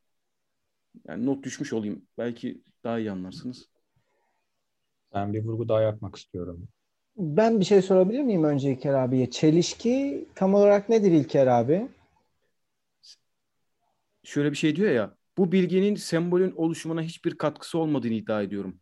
Diyor mesela. Çocukluğun anlatılardan bilebileceği bir şey daha vardır ama ben bu bilginin sembolün oluşumuna hiçbir katkısı olmadığını iddia ediyorum diyor. Ama ben buraya geldiğim zaman burada inanç var ama aslında bu da bir bilme. Kızların başlangıçta o, oğlanlarla aynı organlara sahip olduğunu ama daha sonra kesildiği inancı. Böyle bir inanç var. Aslında bu bilme. Ya da bu inanç mı yoksa gibi düşündüm. Ama yani Umut lütfen. B e, kısmında öteki de ben bu kastrasyonun atlandığını sen okurken gördüm. Öteki de neydi hatırlamıyorum. B'nin sonundaki cümle. Çünkü payalde şöyle. E, düş bir başka çocuksu cinsel kuran parçasına kızların başlangıçta oğlanlarla aynı cinsel organları olduğu daha sonraki biçimin iydiş edilme Almancasında direkt kastrasyon olarak bir ağacın sökülmesi bu. E, sonucu olduğuna inanmaya göndermeydi diyor. Öteki de bu galiba başka bir şekilde atlanmış. Öteki de buna kesilme demişler. Yo iydiş ben pardon şu an payele bakıyorum. Evet a, kesildiği, kesilme demişler bunu. Ya kestirip atmışlar gibi anladım ben. Şimdi evet. Selçuk Budak zaten neredeyse bütün kitabı kestirip atmış. Şimdi Alman, şöyle büyük yani operasyon diyor. Yani bu yani metni Almancasından çevirmiyor olabilirsiniz ama bu Almancasına bakamayacağınız anlamına gelmez. Bunun en güzel örneklerinden birisi ayrıntıdan çıkan Beckett diye çevirileri değil mi Umut? Uğur'un mesela iki dilden çevirdiğini çok açık bir şekilde söylüyor ve hangi edisyonları kullandığını da söylüyor açık açık. Diyor ki hem İngilizcesine bakıyorum hem Fransızcasına bakıyorum. Diyor. Bu harika bir şey. Ama insan bazen durup düşünüyor ve şunu soruyor kendisine. Büyük yayın evlerimiz mesela Almancadan Freud çevirdiklerini iddia ediyorlar ama her ne hikmetse bu Almancadan yapılan çeviriler İngilizceden yapılan çevirileri birebir tekrarlıyor. İnsan da durup düşünüyor acaba bu Almancadan yapılan çeviri İngilizceden yapılmış olabilir mi diye. Bir durup düşündüm mesela geçtiğimiz gün Ezgi ile biraz konuşuyorduk. Ben İngilizcinde de bunun kastrasyon olduğunu düşünüyorum ama Yok bu böyle. Bu böyle. Ben başka bir kitaptan bahsediyorum. Bu bu İngilizcesine bakayım bir saniye bekleteceğim. Aynı sayfaya geri gideyim. Ee, Almancasının büyük harfli olması sebebiyle kavram olarak e, kullanıldığını düşünerek e, hayalde de iyiliş edilme diye buradaki ağacın sökülmesi bağlamına öteki de atlandığını ve üzerine belli bir e, hani en azından nüans koymak gerektiğini evet. için söyledim. İngilizcesi de bu arada aynen kastrasyon. Yani düşünmek istediğim şey bir yandan dürtü ve e, dürtünün temsili. Yani neden mesela böyle e, arka arkaya üç tane rüyada da işte e, yazı masasının çekmecesinin önünde duruyor. Çekmeceyi öyle bir tanıyor ki yani bu çekmece işte açılıp kapanan e, uzama yeteneği olan tüm nesneler, ne bileyim sökülmüş ağaç, bir şeyin sökülebilmesi, çıkartılabilmesi, takılabilmesi. Bir tür hareket var değil mi? Bayağı hareketlikten bahsediyor burada bu e, rüyalarda. İlk rüyada mesela yürümek, e, bir yere çarpmak, Hani e, kaya gibi bir şeye bir anda çarpmak gibi düşünün. Rüyada bunun etkisini e, ki gördüğümüz rüyalarda bile hissedebiliriz yani. E, yürürken bir anda bir şeyin e, bir şeye çarpması ve onun işte zarar veriyor olması. Burada itki ve bu e, tam olarak göstermeye çalıştığı şey ne? Bir hareket var çünkü burada. E, burada acaba itkinin hareketiyle ilgili bir e, mesele eğer e, var olduğunu düşünürsek ki düşünmeye de son derece e, meyilli olabiliriz. Sonuçta bu bir dürtü hareketi. Ama e, burada temsil ettiği şeyler bakımından neden son derece e, gerçeklikten de pay alan şekilde bir hareket var burada. Yani illa acaba klinikte de bunu bu şekilde mi düşüneceğiz? Uzayıp salan şeyler, işte hani git geldi şeyler. Hem e, cinsel ilişkiyi belli anlamda temsil edecek, hem e, genital organları belli anlamlarda temsil edecek, onların varlığını ya da yokluğunu temsil edecek şekilde ortaya çıkması. Bunu mümkün kılan şey acaba itkinin hareketi mi? Eğer itkinin hareketi ise burada e, itkiye bu e, A bendindeki rüyada bu hareketi e, belli anlamlarda engelleyen mesela başına e, bayağı da yani alçağa asıl, asılmış e, çok da çarpılmayacak bir yerde olan bir avizeye çarpan bir e, hanımdan bahsediyor Freud. Hiç olmayacak bir şey bir anda başına geliyor. E, bir anda mesela bir çukurla karşılaşmak. E, sanki yoluna giden bir şey bir anlamda belli bir engelle e, karşı karşıya geliyor. Bu acaba e, tam da itkinin şiksali yani e, kaderiyle e, e, ilişkili ve bu hareket aynı zamanda itkinin hareketiyle e, metaforik olarak da benzerse eğer e, acaba bunu mümkün kılan bir e, faaliyet mi diye düşündüm.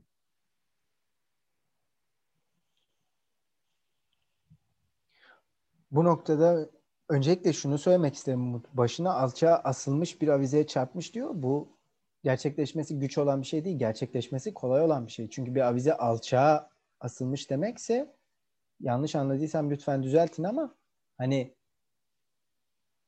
çok fazla sarkıtılmış demektir. Dolayısıyla çok uzamış demektir.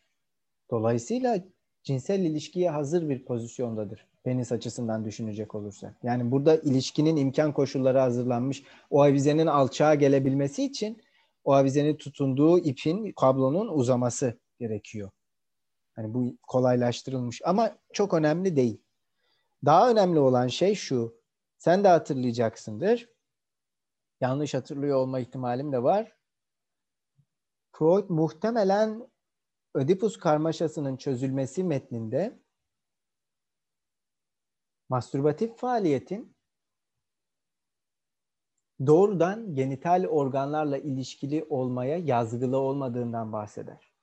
Yani genital organlar faaliyete geçmeden, genital organlar etrafında uyarımlar yoğunlaşmadan ya da düğümlenmeden evvel zaten çocuk çeşitli mastürbatif faaliyetler ya gerçekleştirmektedir ya da onların bir arkaik biçimini gerçekleştirmektedir ama nihayetinde bir mastürbasyon söz konusudur. Sadece bu düşlerde genitallere nasıl hmm, bu faaliyetin belki bu gerginliğin genitallere nasıl sıkıştığı bir tartışma konusu. Ee, daha doğru bir ifadeyle belki şunu söyleyebiliriz. Bedeni, yani bu gerginliğin, bu mastürbatif gerginliğin belki bedenin teorisini nasıl yaptığına ilişkin bir mesele var burada. Burada çünkü yani Freud'un çocukların cinsel teorilerine ilişkin makalesinin en çarpıcı yanlarından birisi şudur. Çocuğun burada bilgi dediği şey var ya Freud'un. Çocuğun bilgisinde bir boşluk vardır. Ve çocuk bir soru yönelterek aslında bu boşluğu teorize etmeye kalkışır. Ben nereden geldim? Mesela bu sorulardan bir tanesidir. Veya ka- kastrasyona ilişkin soru bu sorulardan bir tanesidir. Ama nihayetinde çocuk bu bedendeki gerilimi teorize etmeye başlar. İki büklüm. Etrafında bir hikaye yazar bu gerginliği. Dolayısıyla bu bilgi aslında çocukların cinsel teorileriyle ilişkili de olan bir bilgi. Ve bu bilgi belki İlker abinin de söylediği üzere hani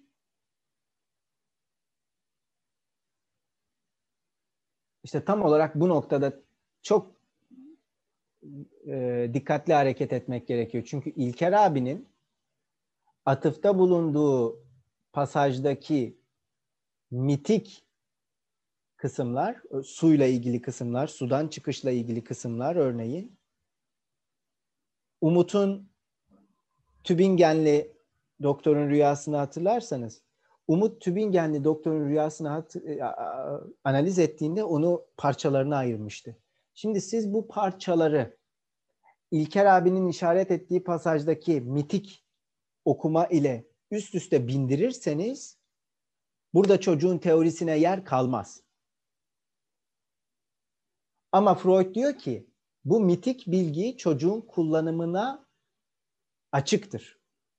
Şimdi burası çok şey talep ediyor bence.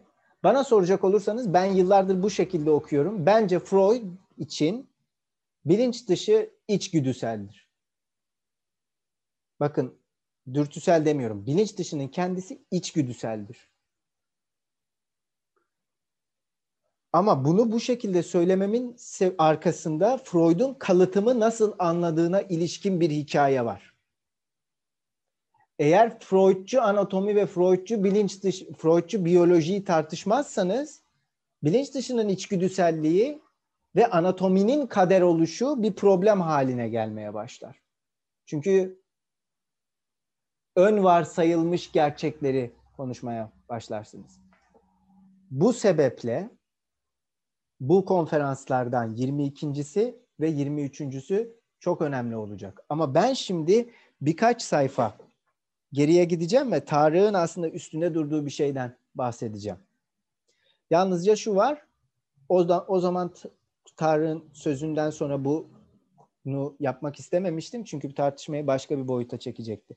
Şimdi hatırlayacak olursanız orada ergenlikte yeniden gündeme gelecek bir baba korkusundan bahsediyordu Freud birkaç mesele var. Daha önce de size söylemiştim. Türkçedeki Sıçan Adam baskısının 46. sayfasındaki uzunca dipnot. Olgu öyküleri 2. Payal baskısı 46. sayfa uzunca bir dipnot. Freud ergenlikte çocuğun hatıralarının burada hani mahsur görürseniz hani Nietzsche'ci bir şekilde söylemiyorum bunu. O yüzden kavramı hani lütfen mahsur görün. Freud ergenlikte tarihsel gerçekliğin yeniden değerlenişinden, değerlerin yeniden değerlenişinden bahsedecek. Çocuğun söylencesinin ergenlikte nasıl yeniden yazıldığından bahsedecek. Tamam? Şimdi bu 52. mektupla ilişkili bir mesele ama bu konferans serisinde defalarca kez o mektuptan bahsettiğim için artık yeniden açıklamayacağım. Sadece işaret ediyorum ve bırakıyorum. Ama oradaki mesele bir yeniden yazım meselesidir. Şimdi Freud bunu alıyor ve diyor ki ergenlikte bu hikaye yeniden yazılır. Şimdi dolayısıyla İlker abinin işaret ettiği o mitik kullanıma açık kütle, küt, içgüdüsel kütle diyelim ona tamam mı? Çünkü niçin içgüdüsel kütle diyorum? Freud bilinç dışı makalesinin işte 7. bölümünün yanlış hatırlamıyorsam son paragrafında söyleyecek bilinç dışında içgüdüsel bir çekirdek vardır diyecek. Instinctual, gerçekten içgüdüsel bir çekirdek vardır diyecek ve bu çekirdeği Şimdi belki bu Ezgi'nin ilgisini çekebilir. Bu çekirdeğe Freud bilinç dışının urbe Völkerungu diyecek. Yani ne demek bu? İlk topluluk, ilk halk demek. Kabile gibi. Urbe Völkerung. Bakın bir kez daha ur geldi. Tamam mı? Bir kelimenin başına. Freud'un en sık yaptığı şeylerden birisi bir kelimenin başına ya ur getirmek ya da onu ferle yazmak. Bu ikisi varsa tehlike çanları çalmaya başlıyor. Urbevölkerungu Freud gelip instinctual olan, kalıtsal olan, içgüdüsel olanın yerine çakıyor.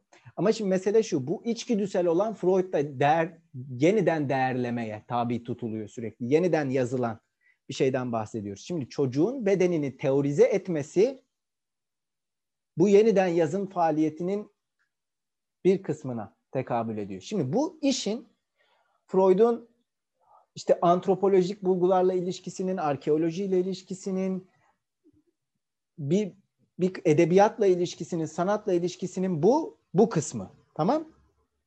Şimdi bunun farklı boyutları var. Bir de dil bilimsel boyutu var değil mi? Freud'un döneminde henüz hazır bulunmayan bir bilgi, dil bilimsel bilgi. İkinci bu. Dil bilimsel bilginin Freud'daki kaynakları neler?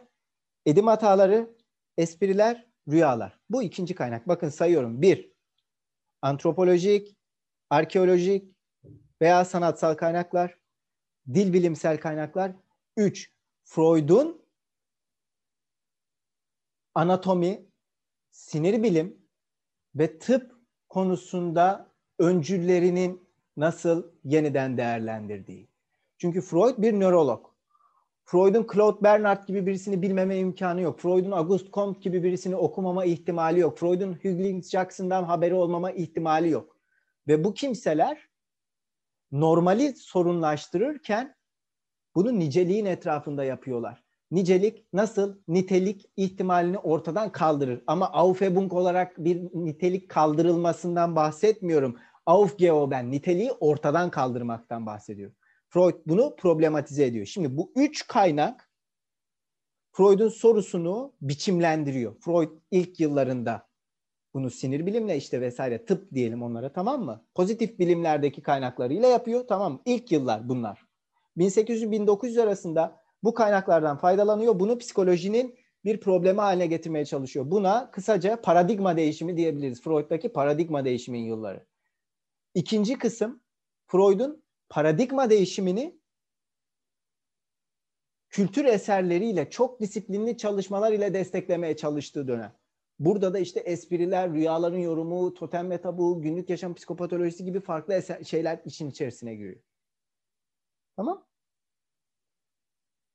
Dil bilim de yine burada dahil. Çünkü dil bilimde bu işe ekonomisini veriyor. Nasıl yapılacağının ekonomisini. Dolayısıyla bir paradigma değişimi, bir metodolojinin devşirilme, devşirilmesi. Niçin? Mesela bakın espriler korkunç bir kitaptır. Çünkü baştan aşağı metodolojiyle ilgilidir. Freud'un tek kitabı olabilir baştan aşağı metodolojiyle ilgili olan. Psikanalitik redüksiyondan bahsediyor. Şimdi psikanalitik redüksiyondaki felsefi arka planı nasıl duymayacaksınız ki? Bunun fenomenolojik bir indirgemeyle nasıl ilişkisi olmayacak? Mümkün mü Freud'un bundan haberdar olmaması? Esprilerin redüksiyonundan bahsediyor. Şimdi tüm bu kaynakları bir araya getirdiğiniz zaman çocuğun teorisini Freud'un nasıl değerlendirdiğini açık umarım açıklayabilmişimdir. Yani bu teorinin neden bu kadar ciddi bir mesele olduğunu. Şimdi çocuk bunu bedenindeki gerginliği teorize nasıl ediyorsa Freud da karşılaştığı semptomu bu şekilde teorize etti tüm bu kaynaklarla. Dolayısıyla burada bilgi üzerine yapılması gerekiyor diyor ya işte o bilgi bilgi psikanalizde o bilginin çok kaynağı var. Ama işte mesela niçin Umut'la biz Joseph Campbell'a biraz burun kıvırdık? geçtiğimiz gün 5. seminerin ilk kısmını attım. Lacan'dan bir alıntı yaptım. Bu aptalca ve sanrısal şekilde bunu kolektif bilinç dışı olarak adlandırmayın diyordu Lacan. Büyük öteki için. Çok önemli çünkü üstünü çizecek yıllar sonra. O tarihte çizmemiş. Bu önemli bir hadise. Neyse çok uzatmayayım. Yani ben burada bilgi italikse ben burada bunu duyuyorum. Yani bunu benim İlker abinin ve Umut'un yorumuyla beraber okuma yolum bu. Benim bana bunu hatırlatır yani bu bu mesele. Çocukların cinsel teorisi bakın çocukların cinsel teorisi soru sorma çok çok önemli bir mesele. Çünkü espri kitabı baştan aşağı bununla ilgili. Yani espri koşulu. Bakın gülünç olanın koşulundan falan bahsetmiyorum. Onların hepsi baş, bambaşka meseleler o kitapta. Ama esprinin vitsin vitsin bir koşulu var.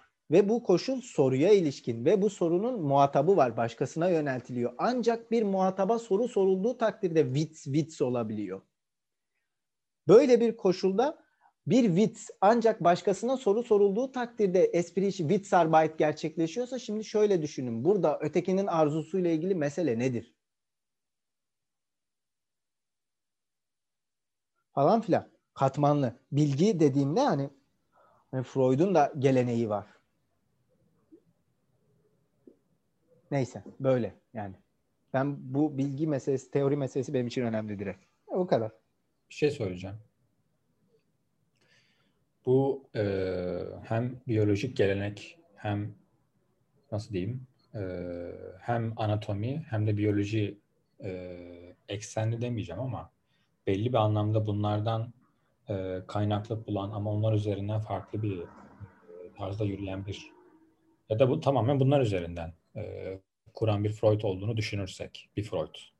Bu herhangi bir Freud olsun. Buna cevabın nasıl hazırlanacağı ile ilgili bir e, buna cevap aynı zamanda da karşı e, bir cevabın nasıl hazırlanabileceği ile ilgili bir e, serinlemenin yollarını e, dizecek şeylerden bir tanesi şayet şuysa. Diyor ki Lacan, dürtünün özü gereği her dürtü kısmidir, parsiyeldir. Ee, hiçbir dürtü böyle cinsel eğilimin gidebileceği yolda e, yani cinsel eğilimin tamamını temsil edemez. Biyolojik düzlemde kimse bu işleme karşı çıkamaz. Yani buradaki organ ve aynı zamanda değil mi? Burada rüya hani bu Freud'a bağlarsan buradaki e, cinsel organlar e, temelinde oluşturulmuş gibi gözüken e, meseleye biyolojik düzlemde kimse bu işlere karşı çıkmaz. E, Freud'un izinden giderek benim de iddia ettiğim ki kendisi buna kanıtlar getirir. Bu işlevin ruhsallıkta bu şekilde temsil edilmediğidir. İş psikiyatride hmm. farklı şekilde temsil ediliyor ya da bu şekilde temsil edilmiyor. Ruhsallıkta öznenin kendini erkek ya da dişi olarak konumlandırabileceği hiçbir şey yok. Sonrasında e, trip üzerinden e, işi ilerlettiği yerde işi libidoya bağlıyor Lacan. Biz de bunu e, belli bir anlamda buradaki hani ben itkinin hareketi ya da itkinin kaderiyle belli bir anlamda ilişkilendirmeye çalıştığım şeyi temellendiriyor gibi de olayım. E, Lacan'la devam edeyim. Diyor ki libidonun bir kuvvetler alanı falan değil. Baya bir organ gibi olduğunu e, belirtiyorum diyor. Organ gibi. Ben buraya demişim ki bedensiz organ. Şimdi burada ilkelere sataşıyorum. Ee, buradaki 64 yılı Lacan bu arada bu. Ee, Gilles ne kadar e, önce bilmiyorum ama e, buradaki libidoya verdiği bedensiz e, organ hatta bir organ gibi ama bu organın kendisinin bedenin çoktan e, genital anlamdaki organlarla anatomik anlamda yerlerinin yani topolojisinin e, çok daha dışında gibi algılar.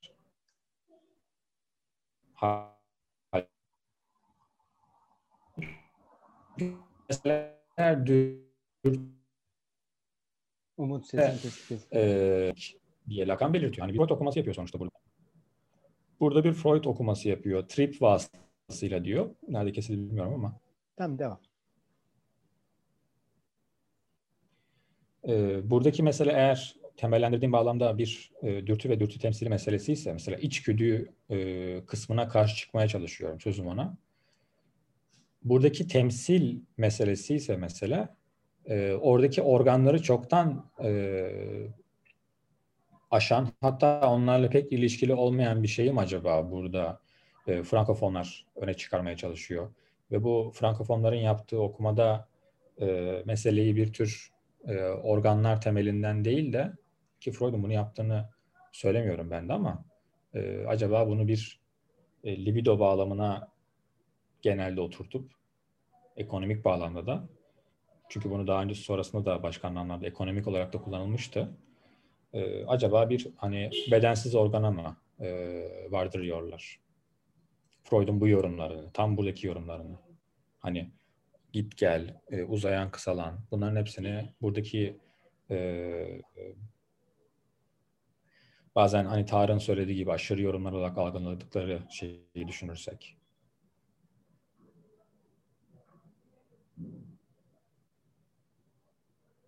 E, Umut'un sorusuna ek olarak bu anlamda da sanki katiyen üreme odaklı olmayan bir cinsellik tartışması gibi de bir yandan. Okuyabilir miyiz? Okumalı mıyız? Benim okuyasım var.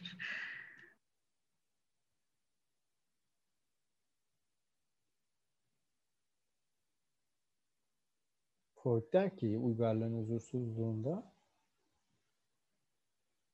bir alternatifi bulunsaydı insanlık kesinlikle cinsel ilişkiye müsaade etmezdi. Kesinlikle. Ama maalesef bir alternatifi yok. Yani üremek için. Yani üremeden vazgeçilmişti çoktan Lacan'a gelene kadar ama kabul edilmek istenmiyorsa diyebilecek hiçbir şey yok.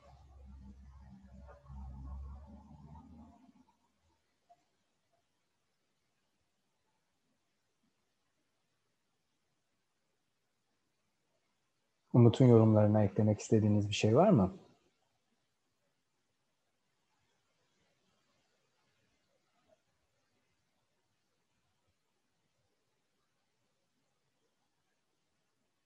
Dürtü ve temsili ve bir organ olarak libido aslında geçtiğimiz oturumda konuştuğumuz uzlaşı meselesinden çok uzak bir mesele değil. Çünkü dürtünün temsilinin yarattığı imkansız ya da imkansızlık aslında o uzlaşı ve farklı tesciller meselesinin de kaynağı olarak karşımıza çıkıyor. Hatırlayacak olursanız Arda Bey hafta içerisinde gruba Urferdrangung'la ilgili bazı meseleler yazdı. İlksel bastırmayla ilgili.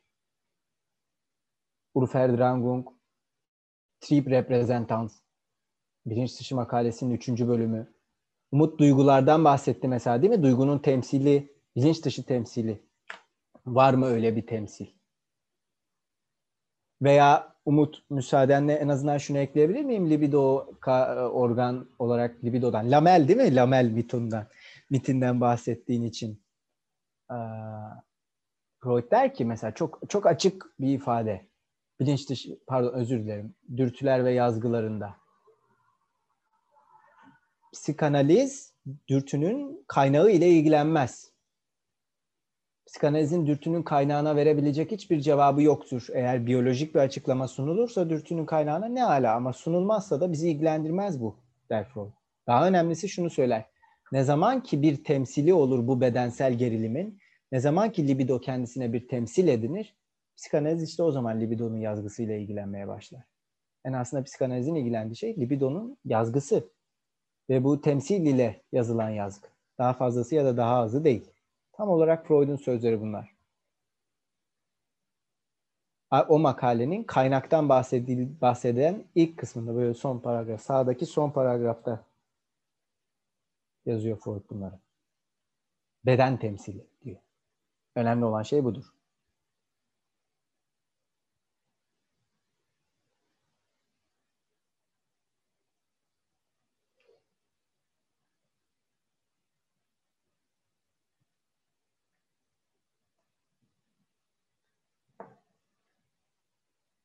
Saat e, son bahsettiğim dürtüler ve yazgıları yani metapsikoloji içinde içgüdüler ve değişimleri makalesinin e, şey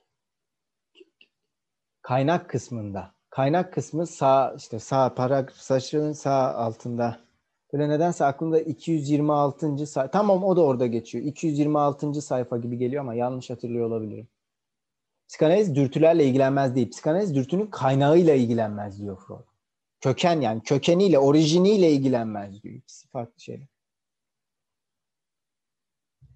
Ee, müsaadenizle bugünkü oturumumuzu burada sonlandırabilir miyiz?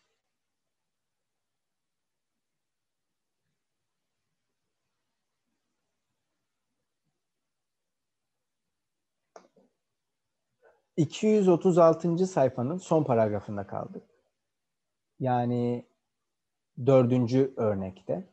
Bu bölüm 245. sayfada nihayete eriyor. Katkılarınız için, sabrınız için çok teşekkürler herkese. Yaklaşık 3 saat 10 dakikalık bir oturum yapmış olduk. Eğer arayı düşerseniz 3 saatlik bir oturum ediyor bu. Ee, dinleyen, katkı veren, sabreden herkese dediğim gibi bir kez daha ben kendi adıma teşekkür ederim. Eklemek istediğiniz başka bir şey yoksa müsaadenizle kaydımızı sonlandırabiliriz.